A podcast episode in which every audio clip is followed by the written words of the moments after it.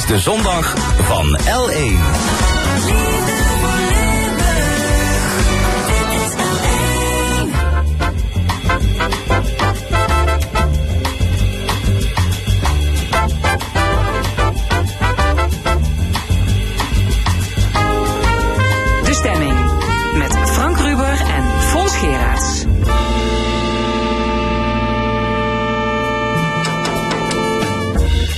Welkom bij de stemming, de laatste alweer van dit seizoen. Vandaag met de volgende gasten.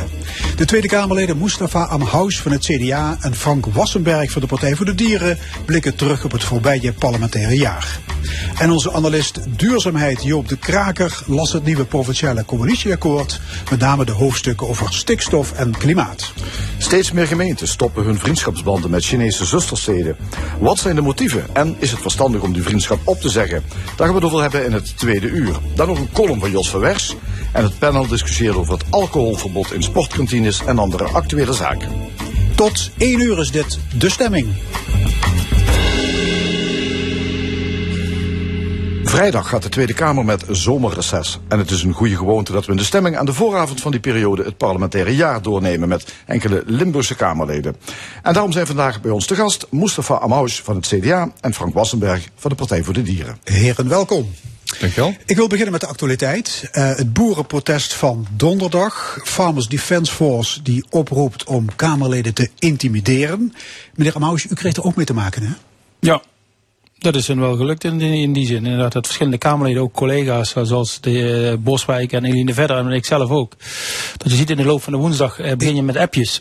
Uh, en daarna gaat het over naar telefoontjes en een dag later ook. Dus uw telefoonnummer is ook bekendgemaakt ja. via de social media? Ja, ik zag het. Ik was er zelf niet. Uh, ik, ik, kreeg appjes, uh, maar later kreeg ik zelf te horen inderdaad van hé, hey, jouw telefoonnummer en naam gaat ook in een TikTok-filmpje in omloop. En toen begreep ik een beetje de relatie. Uh, U heeft het woord schofterig gebruikt. Ja, ik, ik, ik, ik, ik, normaal gesproken, ik heb heel veel in, in de kader aan het begin van die stikstofdiscussie heb ik heel veel uh, keukentafelgesprekken gevoerd met boeren die daar oprecht ook om vragen. En dan ga ik er naartoe. En is dan een groep met twintig, dan ga ik daar naartoe. Maar dit is zo georganiseerd op een verkeerde manier. Dat is niet fijn. En uh, daar vind ik wel inderdaad in die zin schofterig van doe dat nou niet. Laat ja, het politie... is ook gewoon strafbaar. Ja. Vindt u dat politie en justitie hier voldoende tegen optreden? Uh, ze zoeken altijd de randen op, maar ik vind wel dat of uh, justitie uh, wel dit moet onderzoeken. Want dit is een glijdende schaal. En dat is het gevaarlijke. Die glijdende schaal is gevaarlijk. Want dit accepteren we dan. En we morgen accepteren we weer iets meer. En zo hebben we een glijdende schaal. Dat Kamerleden of ook uh, de politici in de gemeenteraden of in de provincie dadelijk niet normaal hun werk kunnen doen. Want het punt is vaak, de volksvertegenwoordiger is één, maar de omgeving, de familie en kinderen eromheen, dat is nog veel een erger punt wat vaak niet aan het daglicht komt. Frank Wassenberg, Partij voor de Dieren, geleidende schaal. Ja, ik ben het daar volstrekt mee eens. Ik heb het ook uh, schofterig genoemd. Ik heb het misselijkmakend genoemd. Uh, ik zat toen uh, die dag later in het, bij het stikstofdebat. Ik was niet de woordvoerder, maar ik zag er wel bij. Ik heb ook even met, met Eline verder gesproken. Ook even mijn, mijn steun uitgesproken. Dit kan echt ja, absoluut Bent u bezorgd niet. over de radicalisering van Farmers Defence Jazeker, want het, het, het, dit is inderdaad oproepen tot intimidatie. Er zijn al eerder bedreigingen geweest naar Kamerleden. Wat ze proberen te doen is om te, te voorkomen dat Kamerleden hun normale werk doen. En eigenlijk, ja, je krijgt bijna een dictaat. Zo zou je, moeten, zo zou je debat moeten ingaan. Je, dit mag je wel stemmen, dit mag je niet stemmen. Dit kan echt absoluut niet. Als je hier aan toegeeft, dan is de bijl aan de democratie echt, uh, het is heel erg. Andere actualiteit, er is oproer binnen het CDA Limburg. Uh, de leden in Limburg herkennen zich niet meer in het beleid van het landelijke CDA. Vorige week was er een tumultueuze ledenvergadering in Heel. Um, was u als lid van de Tweede Kamerfractie enigszins de kop van Jut? Bij die bijeenkomst? Uh, uh, in elk geval, ik ben er wel aanwezig geweest. Natuurlijk als Limburgs volksvertegenwoordiger hoor ik daar ook te zijn. En er was inderdaad wel een, een, een, een hete, hoe noem je dat, een hete discussie. Maar uiteindelijk zijn we wel weer, is iedereen wel gedaald weer om te zeggen inderdaad, de commissie die nu ook weer gaat kijken van wat betekent de huidige situatie en waar moeten wij naar de toekomst naartoe, ook als CDA Limburg, onder uh, voorzitterschap van de burgemeester van Weert die dat op zich wil nemen, om dat goed te bekijken.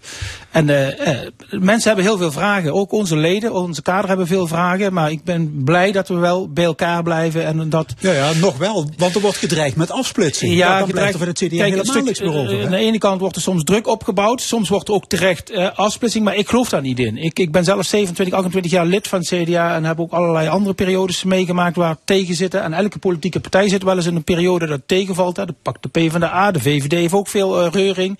D66 heeft ooit op drie zetels gesteld. Dus afsplitsing, hè, we hebben nu al twintig partijen in de Kamer. Afsplitsing nog meer, bij wijze van spreken, of dat op provinciaal niveau is, op landelijk niveau, is niet de oplossing. Dus zullen we elkaar ook als volkspartij toch echt in de ogen aan moeten kijken hoe we samen doorgaan in dit moeilijke speelveld. De Partij voor de Dier heeft de win mee. volgens de laatste peiling gaan jullie van zes naar twaalf zetels. De vierde partij van Nederland. Ja, dat, uh, dat gaat goed. En dan moet ik zeggen, we zijn natuurlijk sinds ons ontstaan, we zitten sinds 2006 in de Kamer, gaan we eigenlijk heel geleidelijk. Dus als je de groei nu van 6 naar 12, dat zou echt een megasprong zijn. Ik denk als ik die lijn doortrek, dan zijn we inderdaad gegroeid van 2 naar 3. Er was, waren er bijna geen 3. Toen werd het er 5, toen werd het er 6. Dus ja, ik denk het is beter om geleidelijk te, stijgen dan van die spectaculaire sprongen te Ja, we hebben altijd gezegd, wij zijn eh, tegen plofkippen in de bio-industrie, maar we zijn ook tegen plofpartij of tegen plofpartij. Het is gewoon niet gezond als je te snel groeit. Dat zie je bij heel veel partijen die heel snel een groei doormaken en vervolgens aan interne ruzies ten onder gaan. Dus laat ons maar geleidelijk stijgen. Als we dadelijk eh, negen of misschien wel tien zetels halen, dan ben ik er hartstikke blij mee. De Tweede Kamer heeft pas geleden uw wetsontwerp aanpak dierenmishandeling aangenomen. Uh, justitie heeft nu meer mogelijkheden om dierenbeulen aan te pakken. Ja, dat was een, uh, dat was een hele fijne. Daar, het, het, was natuurlijk al in de wet uh, verboden om, om dieren te mishandelen. Maar er stond in extreme gevallen maximaal drie jaar op. Dat was hetzelfde als een, een, zakroller bij wijze van spreken kan krijgen. Nou, als je verschillende keren honden doodschopt of katten extreem uh, mishandelt, martelt, nou, dan moet daar echt een, een strengere straf op. Dus wij zijn er eigenlijk al sinds onze oprichting uh, mee bezig, vanaf 2006 ook al in, in de Kamer. En dat heeft heel lang geduurd, die, die aanloop. Maar op een gegeven moment heb ik uh, eerst de VVD erbij gekregen, de PVV deel mee, het CDA heeft meegedaan. Dus steeds breder werd die hele coalitie in, in de Tweede Kamer. We begonnen echt als eenling, eigenlijk samen met, uh, met Dion Graus. En die coalitie werd, uh, werd steeds breder. En dat is ook heel belangrijk, hè, want dat wetsvoorstel, er was een wetsvoorstel van die minister. Dat hebben wij flink aangescherpt. Uh, de straf voor dierenmishandeling wordt groter. Wat heel belangrijk is, is dierenbeulen die verschillende keren de fout ingaan. Die kunnen nou een levenslang houdverbod krijgen. Dat de rechter zegt, nou, jij gaat zo slecht met dieren om, even afgezien van de straf. Jij zou geen dieren meer, meer moeten houden. En daar hebben we gewoon steeds meer steun voor opgebouwd. Dus als je zo'n wet met, met 76 tegen 74 stemmen aanneemt, nou dan is die wet aangenomen. Maar in dit geval was het met 145 stemmen voor en 5 tegen. En dat is zo'n duidelijk signaal, ook naar de rechterlijke macht dadelijk, met jullie hebben nou de mogelijkheden om dierenbeulen beter aan te pakken. Gebruik die mogelijkheden dan ook. Goed initiatief in een beschaafd land, hè? Ja, absoluut. Ja, afgelopen donderdag was er dus een actiedag van de boeren met demonstraties in Den Haag en een kamerdebat. Um, het ging over het geklapte landbouwakkoord. Trouwens, bij het boerenprotest zag ik stonden enkele honderden mensen op het Malieveld. Veel minder dan verwacht. Wat, zegt dat?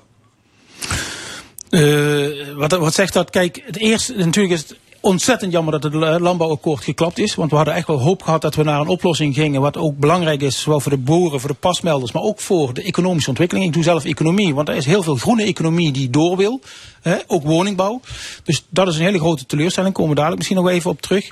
Kijk, dat daar uh, minder mensen verwacht werden, ja, dat geloof ik wel. Kijk, dat is ook wie dat organiseert. Ik, ik was toevallig in Den Haag, ik moest in, in de buurt zijn. Op een gegeven moment in de middag zag ik ook zelfs de politie met schofels de weg vrijruimen, de tractors uit de weg opruimen, die zich gewoon niet aan de regels hielden. Zou het kunnen zijn dat een groot deel van de boeren zich niet meer vertegenwoordigd voelt door een radicale actiegroep? Ik denk dat er verschillende, de, de boerenwereld bestaat niet. Hè. We hebben LTO, is een hele grote organisatie met 30.000. Die heb je de NEJK, dat is de, de 8.000 leden, zijn de jonge boeren. Je hebt biologische boeren dat is een breed speelveld. En uh, het is niet zo dat inderdaad de, de relschoppers de vertegenwoordiging zijn van de redelijke boeren die zich zorgen maken in, uh, in de onzekerheden er zijn. Ja.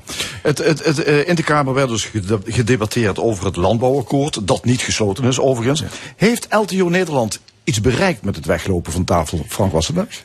Nou, ik, ik, ik stel de vraag, ik wil de vraag nog iets eerder stellen. Dat landbouwakkoord ik ben het daar niet, uh, niet eens met, met Mustafa. Want ik denk dat je dat als regering, dat je daar überhaupt al niet aan had moeten beginnen. Je moet niet eerst akkoordjes gaan sluiten met de sector en dan de Tweede Kamer. Het, het is, het is heel Nederlands, hè? Dat, al die overleggen natuurlijk. Ja, maar ik denk dat dit ook symptomatisch is. En ik denk dat dit het, probleem, het begin van het probleem is. Op het moment dat je gewoon als Tweede Kamer je werk doet en als regering en je, je, je, je regelt dat in de politiek en je maakt wetten en je stelt de kaders.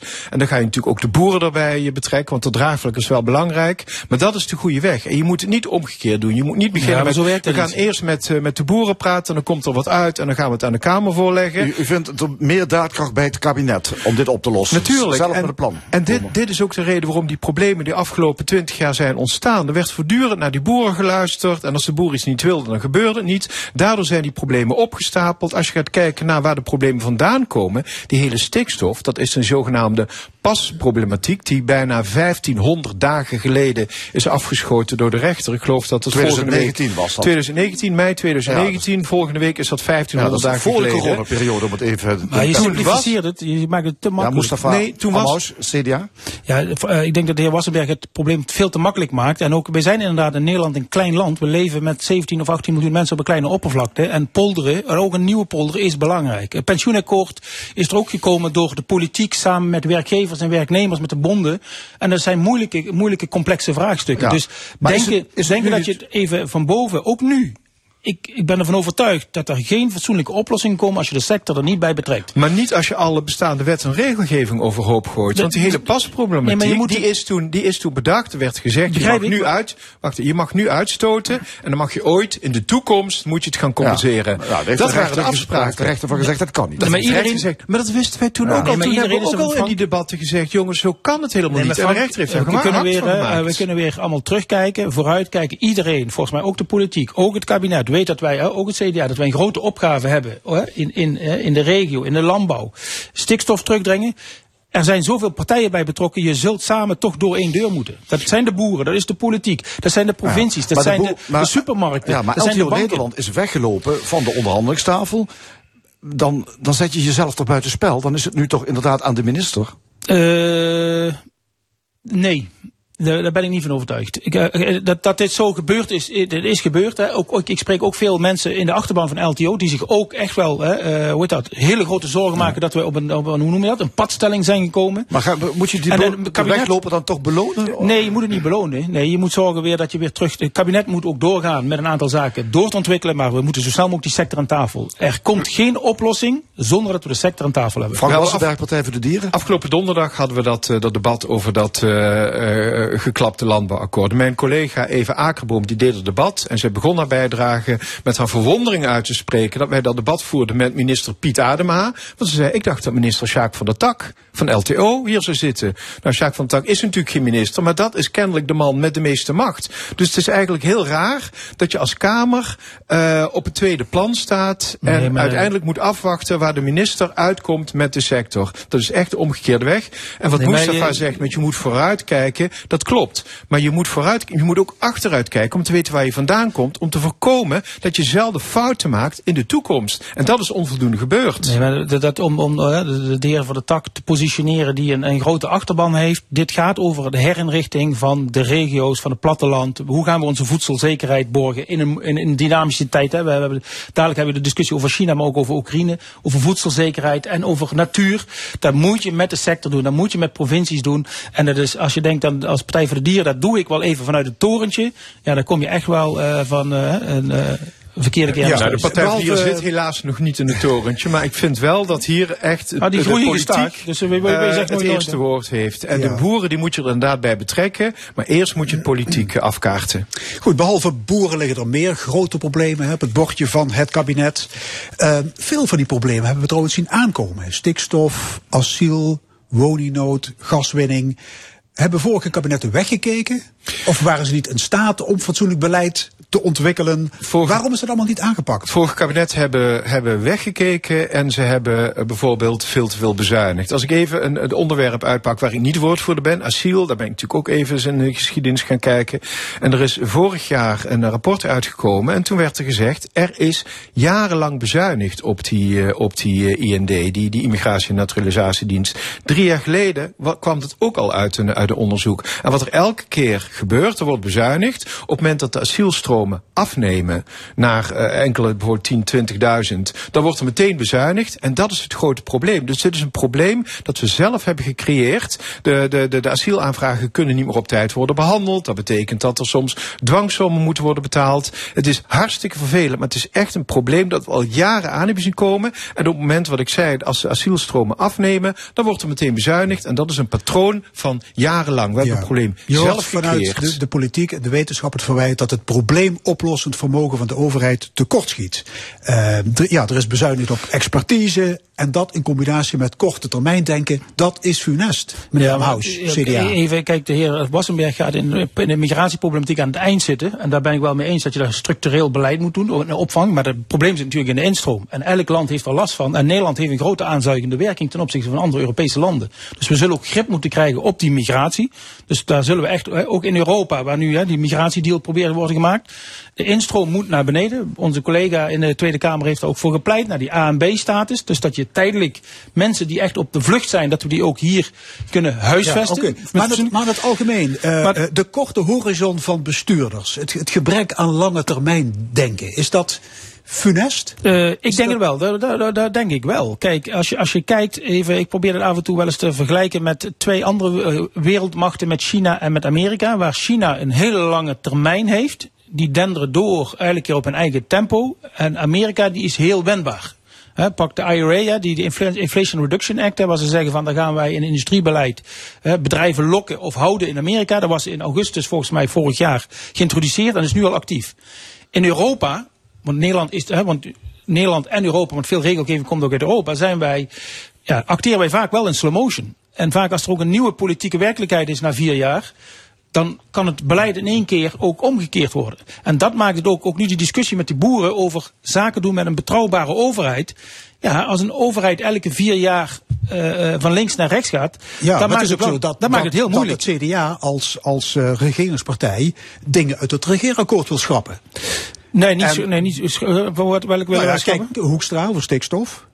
Dus dan moet je niet raar opkijken dat alles op de lange baan wordt geschoven. Nee, maar dat, is niet, dat, dat, dat noem ik niet schrappen, want de doelen blijven overeen. Wat je wel moet doen, is het eh regeerakkoord is gesloten voor de Oekraïne-oorlog. En sindsdien zijn er best wel, eh, is de dynamiek in Nederland op allerlei dossiers. Migratie, wat in één keer toegenomen is. eh, eh, de stikstofdiscussie, want waar we nog steeds geen oplossing voor hebben. Dan kun je wel elke keer zeggen van de, de overheid komt nog niks. Maar 2030 houden wij wel vast als een paal in de grond. Ja, dat is niet realistisch. Wat je wel moet doen, in dit polderland weer, is ga eens bij elkaar aan de tafel zitten. Kijk elkaar eens goed aan.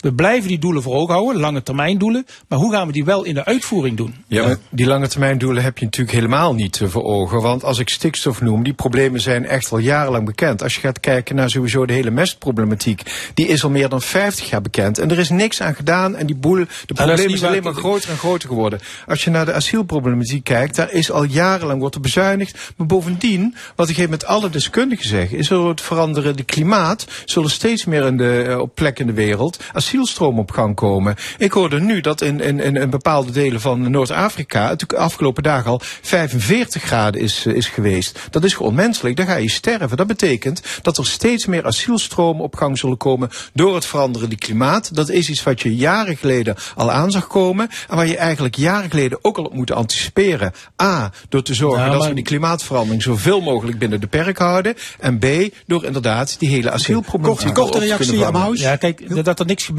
hè, in de lange termijn. Als je kijkt naar Nederland, hè, als we kijken naar de landbouwsector, is de meest innovatieve sector. Als je kijkt naar de fosfaat terugbrengen, hè, naar allerlei zaken, is nog niet genoeg. Maar er is met enorm veel eh, eh, bijdrage is dat gereduceerd. Ik ben het wel eens met Frank, als we het hebben over migratie en aanpakken van de grondoorzaken in Afrika. Daarom hebben we ook de Afrika-strategie, waar we eigenlijk deze week zouden over debatteren, dat is uitgeschoven. Daar zullen we echt als Europa echt wel een bijdrage moeten leveren. We zullen met gelijke kansen daar banen moeten creëren, want anders wordt de instroom nooit en te nimmer kleiner. Oké, tot zover. Maar jullie blijven zitten. We praten zometeen verder met de Tweede Kamerleden Mustafa Amous van het CDA en Frank Wassenberg van de Partij voor de Dieren. Eerst muziek uit het diepe zuiden van de Verenigde Staten. Een stem uit Louisiana, Clifton Chenier, met I'm Coming Home to See My Mother.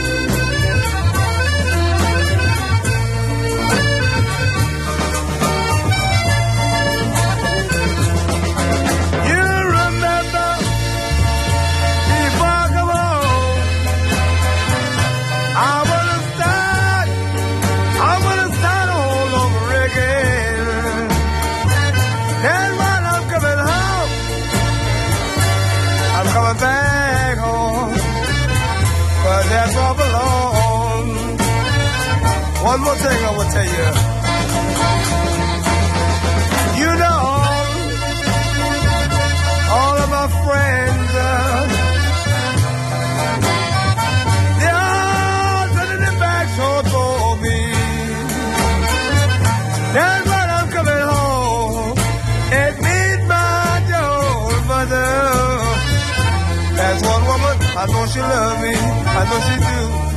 I know she do.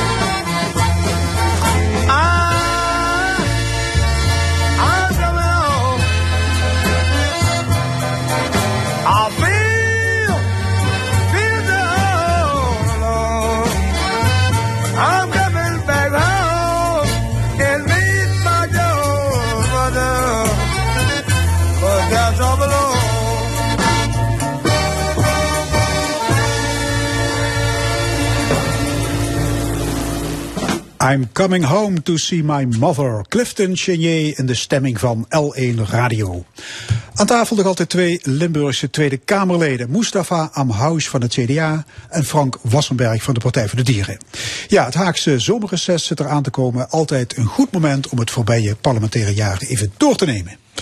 We gaan het hebben over de economie. Uh, de Limburgse economie die draait uh, voor een groot deel nog op traditionele bedrijfstakken. Uh, chemie op Gemmelot, auto's in Born. Ja, die chemische bedrijven die zitten klem vanwege de hoge energiekosten. VDL heeft moeite met het vinden van een opvolger voor BMW. Die oude industrie, Mustafa Maus, heeft die op deze manier toekomst in Limburg? Uh, op de traditionele manier niet. En daarom is het belangrijk dat bedrijven, bestaande bedrijven, ook met basischemie of basisproducten, maar ook automotive, dat die de transitie, iedereen zal die transitie, hè, we hadden het net over de landbouw, iedereen moet die transitie mee gaan maken. En als je kijkt inderdaad naar VDL Netcar, waar heel veel tijd en energie in heb gestoken, zal daar ook uh, uh, zich gericht moeten worden op de nieuwe mobiliteitsopgaves die we krijgen. en een auto bouwen is één. Hè. We moeten ons ook niet blind staren alleen op auto bouwen, want de marge op een auto bouwen is, is vrij klein. Maar onderdelen in auto's, hè, als het over batterijen gaat of over ja, elektronica, andere onderdelen, daar, zit, daar, daar is Nederland. Nederland is in MKB-land uh, heel goed in toelevering van automotive. Voor de Duitse industrie, maar ook voor de vliegtuigindustrie, voor allerlei industrieën. Ja, maar het gaat, het En ik denk dat daar- ja, ik- het dat wordt- er is nog steeds geen opvolger gevonden voor BMW, voor zover we weten. Ehm, er is trouwens wel een bos gekapt, eh Sterrenbos, eh, Frank Wassenberg. Ehm, hoe kan dit allemaal zo overhaast gaan, terwijl eh, ja, er geen, geen klant voor Netcar te vinden is? Ja, dit soort bedrijven moeten natuurlijk veel meer dan nu het geval is hun maatschappelijke verantwoordelijkheid nemen. Dat betekent zowel naar de werknemers, maar ook naar de natuur en naar de regio waar je zit. En dat we hebben toen, eh, vorig jaar is dat, eh, is dat sterrenbos gekapt. Daar waren wij toen ook in de Tweede Kamer heel erg kritisch over. Er stonden eeuwenoude bomen, dat had een belangrijk... Het was een heel klein bos hoor. Er zijn mensen die zeggen, nou, het is zo klein, wat maakt het uit? Het is gewoon een parkje. Nee, dat was een oud bos, oude bomen. Daar zaten eh, dieren die niet ergens anders voorkomen. Dus het was een belangrijk bos. En er werd er gezegd, ja, eh, de natuur wordt elders gecompenseerd. En dat stelt in de praktijk helemaal niets voor. Er worden vaak de verkeerde bomen aangeplant. Het duurt bovendien minstens 100 of 150 jaar voordat zo'n nieuw bosje Ja. weer een beetje de normale biodiversiteit ja, heeft. la- laat de Dus- politiek te, te- ja, zijn oor te zeer hangen naar de directie van bijvoorbeeld Netcar? Nee, ik, we hebben het net gehad over de lange termijn. Kijk, eh, sociaal-economisch is Midden-Limburg of Zuid-Limburg heel belangrijk. En VDL, Netcar, en of daar nou VDL in zit of een andere, dat hebben we in het verleden ook gezien. eh, Het gaat erom dat wij voldoende banen creëren, maar ook banen voor de toekomst. En, en, en dan kun je die discussie over dat bos, dat hebben we al gehad. Maar dat hoort ook bij een lange termijn visie. Hoe, Lange termijn visie om bomen te kappen. Nee, niet, hoe, hoe, nee, maar hoe, reageer, hoe, reageer, hoe, hoe richt je je in juist om klaar te zijn voor de toekomst, voor nieuwe bedrijvigheid, de infrastructuur. Want je kunt niet gaan wachten van, oké, we gaan wel wachten tot er een keer iets concreets komt. Want Nederland, wat, wat er nu gebeurt, in Amerika, in China, in andere landen, is anticiperen op die nieuwe toekomst. Ik ben in de Brainport-regio vorige week geweest. Eindhoven. Eindhoven. Ja. Daar zitten ze nu ook al met problemen over netcongestie. Er zijn moderne bedrijven die zich willen klaarmaken voor de nieuwe toekomst, die geen aansluiting krijgen, stroomaansluiting Ja. krijgen. Daar moet je dus over nadenken. Bij Frank Wassenberg, Partij voor de Dieren? Ja, maar als je aan die lange termijn denkt, dan moet je juist vooral aan klimaat denken. Dan moet je juist vooral aan natuur denken. Ik bedoel, we leven hier in een provincie waar oorspronkelijk de mooiste natuur van Nederland is. Nog steeds op heel veel gebieden, maar die natuur staat onder zo'n verschrikkelijk hoge druk. Dat het hier juist met het oog op de toekomst iedereen- belangrijk is om niet alles ten koste van die natuur. En als dat bedrijf op een gegeven moment door was gegaan en op een gegeven moment die, die eh, ergens anders had kunnen uitbreiden, dan had je gewoon een belangrijk natuurgebiedje had je kunnen laten staan. Ja, Juist, jawel. Nee, het is, Frank- qua, qua omvang is niet heel Nee, groot, ik maar wel. wat biodiversiteit wel. Vandaar dat ik zeg Ja. gebiedje. Maar juist voor zo'n bedrijf als VDL Netcar is het ongelooflijk belangrijk om dat te doen binnen de grenzen van de natuur, binnen de grenzen van het klimaat. En dat is absoluut niet gebeurd. je zult de- natuur en de economie in balans moeten brengen. Ook wij moeten in Nederland banen creëren in de economie. En er moeten nieuwe groene banen zijn. En de, of het nou elektrische auto's zijn. Of eh, eh, in, in de high-tech sector. Of maakt niet uit in de, in de, in de land- en tuinbouw. Dat- Zeker. die moet in balans zijn, eh, Frank. En de rechter heeft hier ook uitspraken over gedaan. Dan kun je elke keer terugkijken. Zoals we net ook hebben gedaan. Het moet in balans. Er is geen enkele Limburger die zegt. Wij kappen natuur om, om, om, om, omdat wij het leuk vinden. Nee, maar die balans is er nu niet, want uiteindelijk is dat bos gekapt. Het is uiteindelijk helemaal voor niks gedaan. Er is onvoldoende naar alternatieven gekeken. Sterker nog, er is ook onvoldoende gekeken naar de biodiversiteit en naar de bio, de, de waarde van, van de dieren daar. Dus uiteindelijk moet die natuur en eh, bedrijfsleven moeten met elkaar in balans zijn. En nu slaat die balans altijd door naar de belangen van het geld, van de economie. En dat is een groot probleem. Oké, ander punt. Eh, als er nu verkiezingen voor de Tweede Kamer zouden worden gehouden, dan wordt de boer-burgerbeweging de grootste. Zal jullie niks verbazen, hè? Virtueel staat BBB op 27 zetels. 27, groter dan de VVD. Eh, bij de laatste provinciale verkiezing was Van der Plas Komsoebies in alle provincies de grootste. Frank Wassenberg, waarom hebben zoveel mensen op deze partij gestemd? Ik denk dat heel veel mensen op die partijen hebben gestemd omdat ze eh, hebben gezien hoe er de afgelopen decennia eh, veel te weinig politieke beslissingen zijn genomen, veel te veel is geluisterd, alles op afstand is gezet, alles op eh, is uitgesteld. Er zijn gewoon onvoldoende, er is gewoon weinig gebeurd. En wat je uiteindelijk hebt gedaan, dat zie je ook met de boeren. Die boeren zijn al decennia lang worden aan het lijntje gehouden. Op het moment dat je die boeren 20, 30 jaar geleden al duidelijkheid had gegeven. Jullie moeten veranderen, jullie kunnen veranderen. Wij als overheid gaan jullie daarbij helpen. Dan had je nu die problemen niet gehad. Maar dat is altijd de boel op zijn beloop gelaten. Nu ook weer, er wordt onderhandeld met de boeren. Alles maar om geen moeilijke beslissingen te nemen. En als je die beslissingen in een vroeg stadium neemt, dat doen ze pijn. Maar hoe langer je ermee wacht, hoe meer pijn het gaat doen. Het is wat dat betreft precies hetzelfde als met het klimaat. De vraag was waarom de BBB zo groot was geworden. Toch niet om de boeren wel? Omdat de traditionele partijen als we bijvoorbeeld ook de VVD flink en geworden. het In, ver- in CDA. verstedelijkte gebieden hebben ze ook een behoorlijke aanhang. De BBB. Dat klopt, Ja. maar dat komt inderdaad omdat de traditionele partijen als CDA en de VVD jarenlang hebben geweigerd om te regeren, alles hebben overgelaten aan, aan, aan de sector. En nu worden ze teruggefloten, vaak door de rechter, omdat al die afspraken die zijn gemaakt niet in overeenstemming zijn met de Nederlandse en met Europese wetgeving. Ja, dat zijn die problemen die Is, met eh, stikstof zat. Het is echt gewoon allemaal uitgesteld beleid en daar krijgen ze nu, daar plukt het CDA nu de wrange vruchten van. Is Caroline van der Plas aanvoerder van een protestpartij? Want ik heb de indruk de laatste tijd dat ze Jan Alleman te vriend wil houden in de Eh, Kamer. ik denk dat altijd, want ik zit lang genoeg in de, in de politiek, dat er altijd ruimte is voor inderdaad eh, proteststemmen in die zin. Hè. Eh, we hebben de PVV gehad, we hebben de SP in het begin gehad, we hebben de Forum, hè, die is he- heel hoog geweest. We hebben nu de BBB.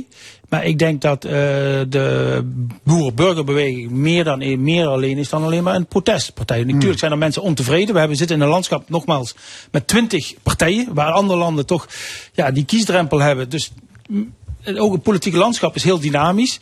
Maar ik denk ook dat, hè, ik, ik, ben, ik ben een CDA en daar blijf ik ook, hè, een CDA een hand in eigen boezem, dat wij het ook niet goed genoeg hebben gedaan. Hè, en dat we daar ook weer eh, uit het dal moeten gaan kruipen. Ja, als ik zeg de BBB is het CDA van vroeger. Wat zegt u dan? Ja, dat weet ik niet. Kijk, ik weet wel dat er heel veel CDA's naar de BBB zijn overgestapt. Maar ik, ik denk dat we wel een bouwer zijn. Als ik kijk hier naar de Provinciale Staten met een jonge lijsttrekker als Nee. Michael Teuns. Maar, maar en heeft, een nieuwe fractie. heeft het CDA zich het brood van de kaas, hoe zeg je dat? Kaas van het het brood. kaas van het brood. uit Nou, ik denk dat het de situatie zoals het nu is, is een moeilijke situatie. U noemde net zelf complexe vraagstukken die niet snel genoeg worden, op, eh, eh, hoe heet dat? Worden opgelost. Eh, het geduld is op bij de burger, zei ik even. Dus er is een stukje vertrouwen weg. Ja, en dan zoeken ze hun heil ergens anders. En het is aan ons om dat vertrouwen weer terug te, eh, te winnen. En we weten allemaal, vertrouwen hè, komt te voet en gaat te paard. Is Ja. Van der Plas premier veeg? Poeh, dat is heel moeilijk eh, voor mij om, eh, om over te oordelen. Ik zou zeggen van, eh, van niet, omdat ze een heel kleine doelgroep vertegenwoordigt. En je zag nu met die onderhandelingen bij allerlei provincies hoe lastig het is als ook blijkt dat een boer-burgerbeweging zich aan Nederlandse wetgeving of, of, of Europese regels moet houden. En dat dan vaak coalities knappen op iets waar je eigenlijk toe gedwongen bent vanwege wetgeving. Dus ik weet niet of je nu al kunt zeggen dat Caroline van der Plas premier feest zou zijn. Ik Maar zou als er niet. verkiezingen komen, krijgen we dan eh, Van der Plas 1? Nee, dat weet ik niet. Kijk, in de verkiezingen kan heel anders zijn als een partij eh, een, eh, een, een ander, ander gezicht krijgt. Hè. Dat geldt hebben we in het verleden ook gezien. Hè. Dan kan het heel anders eh, uitvallen. Er worden fouten gemaakt. Ook de BBB zal fouten maken. Maar dat is niet erg. Dat heeft elke partij gemaakt. Hè. Dus ik wil ook niet, absoluut niet afgeven. En ze hebben in Noord-Brabant al een behoorlijke fouten gemaakt bij de coalitiebesprekingen. Ja, dat, dat, dat klopt. Maar laten we ook eerlijk zijn. Ze hebben het ook goed gedaan. In alle provincies zijn Zeker. eh, ze- dus... Binnen het politieke speelveld, de tijd zal leren hoe een politieke partij zich ontwikkelt. Maar voor ons is het als CDA als Volkspartij dat we veel werk nog aan de weg hebben om dat te doen. En daar, daar hoor ik bij. Ja, nog, Ja. Nog, nog even, ja, we gaan eh, verder met nog boerennieuws. Virologen zijn bezorgd over het aanhouden van de vogelgriep. Dat is een sluimerend probleem. Ehm, de afgelopen twee jaar zijn er in Nederland 7 miljoen kippen en eenden geruimd, omdat ze besmet eh, zijn geraakt. Ehm, ja, er is een kans dat het virus ook een bedreiging voor de mens gaat worden. Nemen wij, nemen wij dit probleem serieus genoeg, die vogelgriep? Nee, absoluut niet. En het is inderdaad een heel groot probleem. Er zijn op dit moment al minstens twintig zoogdierensoorten die besmet kunnen, kunnen worden. Eh, bunzingen, marters, eh, otters. Eh, het is waarschijnlijk ook dat de, de dieren elkaar kunnen, kunnen besmetten. Dat is niet 100% zeker. Maar wat je ziet... En en varkens kunnen ook besmet worden. En varkens kunnen doorgeven aan de worden. mensen. En het is zelfs zo dat er bedrijven zijn, varkensbedrijven en kippenbedrijven, die in de buurt zijn. En virologen die Soms noemen dat... gecombineerd, heb je ja, ook, hè? Die noemen dat een soort mixing, mixing vessels. Ik, ik zeg dan, ik vertaal het beste met blenders. Een varken kan namelijk besmet worden door drie typen virus. En het kan tegelijkertijd. Een varken heeft de varkensgriep, dat is een virus. Maar een varken kan ook besmet worden met mensengriep en met vogelgriep. Dat zijn drie virussen in één dier. Nou, die virussen die delen elkaar, die, die wisselen onderling informatie uit. En je kunt dus virussen krijgen die bestaan uit deeltjes varkens, deeltjes kip en deeltjes mensenvirus. En dan heb je een potentiële tijdbom. En dat is ook waar virologen voor waarschuwen. Levensgevaarlijk. Dat betekent namelijk dat je een virus hebt dat varkens, kippen en mensen kan besmetten. Ook onderling overdraagbaar is. En dan heb je waarschijnlijk iets waarbij corona in het niet valt. Ja, nou, een potentiële tijdbom, Mustafa Ja, tijdbom CDA. weet ik niet, maar we Nog moeten wel liggen serieus- heel veel bedrijven natuurlijk waar waar dit probleem Dat klopt, speelt. maar dat, dat geeft ook weer aan dat Nederland, hè, wordt, wordt vaak, Nederland leeft niet op een eiland, hè, eh, ook klimaat, maar ook op, op dit, hè, op, op, op, op dierenziekten hebben we ook in corona gezien, hè, dat wordt in China geïntroduceerd. Zeker. Maar ik, ik denk dat wij in Nederland, eh, en ik, ik ben wel met Frank eens, absoluut niet moeten onderschatten. Hè, die virusziektes. Maar ik denk wel dat wij in, in Nederland zo adequaat zijn, hè, zeg ik even, eh in het kader van voedselveiligheid, maar ook dierenveiligheid, dat we daar wel heel kort op zitten. En betekent dat dat je niet een situatie krijgt dat dieren besmet kunnen raken? Natuurlijk worden die besmet. En moet je hè, bepaalde soms. En moeten we dan zo doorgaan, gewoon met ruimen als er een besmetting is, of zijn er andere Ik denk als, als, als, als de, de volksgezondheid in het geding is, dan zul je moeten ruimen. Ja. Moesfa, je zegt, eh, we zitten er in Nederland dicht op. Daar ben ik niet met je eens. Maar wat je wel, wat er dicht op zit, is varkensbedrijven zitten dicht op kippenbedrijven. Ja. En daar kun je besmetting eh, krijgen. En eh, Nederland is het meest veedichte land ter wereld. Dat klopt. Dus het probleem is hier echt veel groter dan in omringende Maar Nederland landen. is al een uitdaging, in klein, waar ik net mee begon. Daarom vind ik, hè, daarom vond ik het te kort door de bocht om te zeggen, wij, de, de overheid kan het even zelf regelen. Eh, 18 miljoen mensen in een klein land, we willen windmolens plaatsen, we willen voedsel produceren, we willen woningbouw voor onze kinderen en we willen een toekomstige economie dat we brood op de plank krijgen. Dus zullen we dus samen die balans moeten zoeken tussen economie, natuur en ik ben Zeker. het eens wat jij zegt, ook deze, hè, de, de, de, de ziektes hè, die, die beesten kunnen overbrengen. We leven niet in een, op een eiland. Zul je serieus moeten bekijken en maatregelen. Zeker. En nog, nog één ding, eh, want die, we hebben, hier zijn inderdaad 18 miljoen Nederlanders. Maar we hebben per jaar 640 miljoen dieren die we fokken en naar de slag brengen. En dat moet echt fundamenteel omlaag. Want anders blijven die problemen hebben en dan blijven die, eh, die virussen creëren. Vorige week zat hier een eh, bestuurskundige aan tafel om te praten over herstel van vertrouwen tussen burger en, en bestuur. En hij pleitte onder andere voor uitbreiding van het aantal kamerzetels. Zou dat onderhand wel eens mogen? Meneer Amhaus, CDA? Mm, ik, ik, ik heb altijd. eh, Kijk, natuurlijk, als je kijkt waar we vandaan komen, zou je, volgens mij is dat wel eens een onderzoek geweest, inderdaad, dan zou dat meer mogen. Ook gezien het, het, eh, hoe heet dat, het aantal inwoners wat Nederland 18 heeft. miljoen, ja, hè? het inwoners, het aantal ja. stijgt en, en de samenleving wordt Ja. complexer. En, en, En het aantal zetels is sinds 1956 niet meer uitgebreid. Ja, ik maak me meer zorgen over het aantal partijen in de Kamer. Daar zit meer, hè. dus de regionale vertegenwoordiging, dat die in, in de Kamer is, dat is denk ik heel goed. We hebben ook niet voor niks, hè, het rapport wat ook landelijk bekend is geworden, elke regio telt, waar we ook als CDA hard op inzetten. En dat zal nog wel wat wrijving leveren tussen de verdeling van middelen in de toekomst. Wat, wat voor geld gaat naar de regio en wat blijft hè, in, in, in, in het Westen.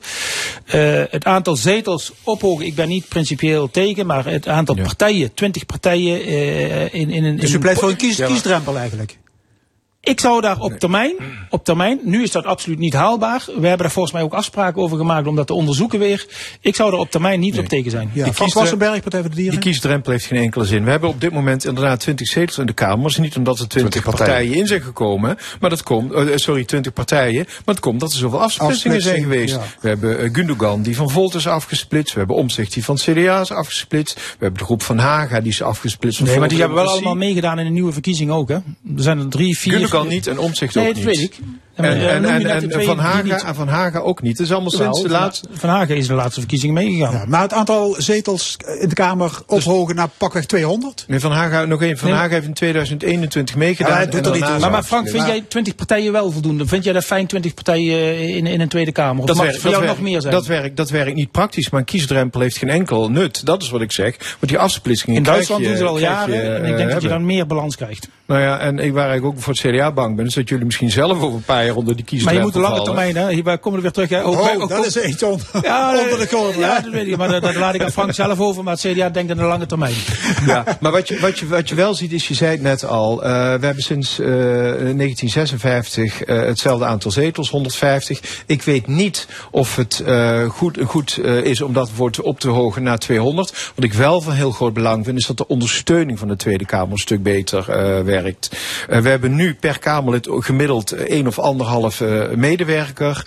En soms dan heb je nog wat stagiaires erbij lopen. En je moet dan opboksen tegen ministerie met 2000, 4000, 10.000 ambtenaren. Ongeleid, ongelijk het is, het is speelveld. ongelijk speelveld. En Kamerleden werken allemaal hard. En je bent elk weekend mee bezig. Ministeries ook. Maar je kunt op een gegeven moment maar eh, een beperkt aantal uur per dag eh, werken. Veel meer dan 18 of 20 uur zit er gewoon niet in. En je moet het in die beperkte tijd doen. En als je meer ondersteuning hebt, als elk Kamerlid bijvoorbeeld al drie of vier medewerkers hebben, zou je al veel meer voor elkaar krijgen. Want je kunt het niet allemaal alleen doen. Dus die strijd is vaak te ongelijk. Er is onderzoek gedaan naar de sociale veiligheid in de Tweede Kamer. Er hebben 600 Kamerleden, fractiemedewerkers, ambtenaren aan meegewerkt. In april verscheen het rapport. Conclusie: het Tweede Kamergebouw is een veilige werkomgeving, maar een grote minderheid ervaart grensoverschrijdend gedrag.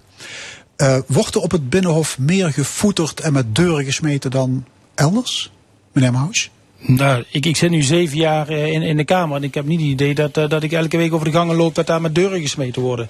Uh, ik, ik kan wel, het is wel een omgeving waar een hoge druk heerst. of dat nou naar de medewerkers gaat of naar onze eigen medewerkers of naar Kamerleden. Dus de, dat besef zal er wel zijn. Ik ben wel blij dat er ook de conclusies zijn dat het een, een veilige om, omgeving is. Maar je moet ook de minderheid of een grote minderheid moet je wel aandacht geven. Want mensen kunnen er wel onder doorgaan in die druk die er speelt. Ja, en waar komt Politieke druk. Te, liggen ze te veel onder het vergrootglas? De politiek ja, ligt onder het politiek ligt de, de, de media aandacht. De politiek ligt onder het vergrootglas. Ja. Ik ben het ook eens met wat, uh, wat Mustafa zegt. Uh, kijk, ik heb voordat ik uh, lid werd van de Tweede Kamer, heb ik 4,5 jaar in de Provinciale Staten gezeten. Mensen vragen wel, lijkt het een beetje op elkaar? En dan kan ik zeggen, ja, politiek lijkt het op elkaar. Je hebt vergelijkbare debatten, coalitie, oppositie. Maar het grote verschil tussen uh, provinciale staat en Tweede Kamer is het extreme druk. Je ligt onder een vergrootglas. Je zit in een hoge drukpan. En die hoge druk kan het beste uit mensen halen, maar ook het slechtste. En uh, niet iedereen kan even goed nou ja, met je, die... Je hoffelijkheid toch, kun je toch gewoon een acht nemen. Hè? Dat is ook zo. En dat, dat probeer ik zelf ook zoveel mogelijk te doen. maar ik zie het verder om me heen dat niet iedereen hetzelfde reageert op die extreme druk. En het feit dat je inderdaad onder vergrootglas ligt. Je mag geen uitkleiders maken, want de pers duikt er meteen bovenop. En dat levert heel veel mensen zoveel druk op dat sommigen gewoon wat uh, onaangenamer ja. kunnen gaan uh, worden. Jullie zitten allebei zeven jaar in de Tweede Kamer. Al nagedacht over prolongatie van het Kamerlidmaatschap? Ben ik eigenlijk nog helemaal niet, uh, niet meer bezig. Want ik, aan de ene kant vind ik het werk ontzettend leuk. En ik vind het nog altijd prachtig te doen. En het is de meest eervolle en mooiste baan. Tegelijkertijd ben ik er na zeven jaar achter. Zeven jaar als Kamerlid onder hoge druk. Dat ik zeg, je wordt er niet per se een vriendelijker uh, mens van. We worden wel grijzer dus, van, Frank. Hè, je wordt, je wordt, we worden er allebei een stuk uh, grijzer van. Maar het, het levert heel veel druk op. Je levert heel veel in. zowel privé, vrienden die je soms nog maar één of twee keer per jaar kunt zien. Die je voorheen elke maand zag. Dus je levert veel in. En je wordt er niet per se een leuker mens van. Ja, ik ben nu, we hebben een aantal collega's die zijn hè, na uh, tien jaar weggegaan. Ik ben nu volgens mij in onze fractie, Pieter Heerma, ja. na de, de een daarna oudste in de fractie. Uh, ik zie dat wij nog vele grote opgaves hebben, zowel hè, voor, voor Nederland, maar ook in onze eigen partij. Dus uh, daar stroop ik mijn mouwen op, letterlijk en figuurlijk, om daar nog aan, aan door te gaan. En dan zie ik wel in de toekomst wat op mijn pad afkomt. Ik ben niet zo'n planner, dus ik zie wel wat wat de toekomst brengt. Maar voor nu is het belangrijk dat we samen weer uh, uh, onze partijen gaan opbouwen. Maar ook de problemen in de land oplossen. Goed, hartelijk dank voor dit gesprek en geniet van het zomerreces. We, we gaan naar de OLS toe. Daar. Ja, ja. Mustafa Amhaus van het CDA en Frank Wassenberg van de Partij voor de Dieren. Dank jullie wel.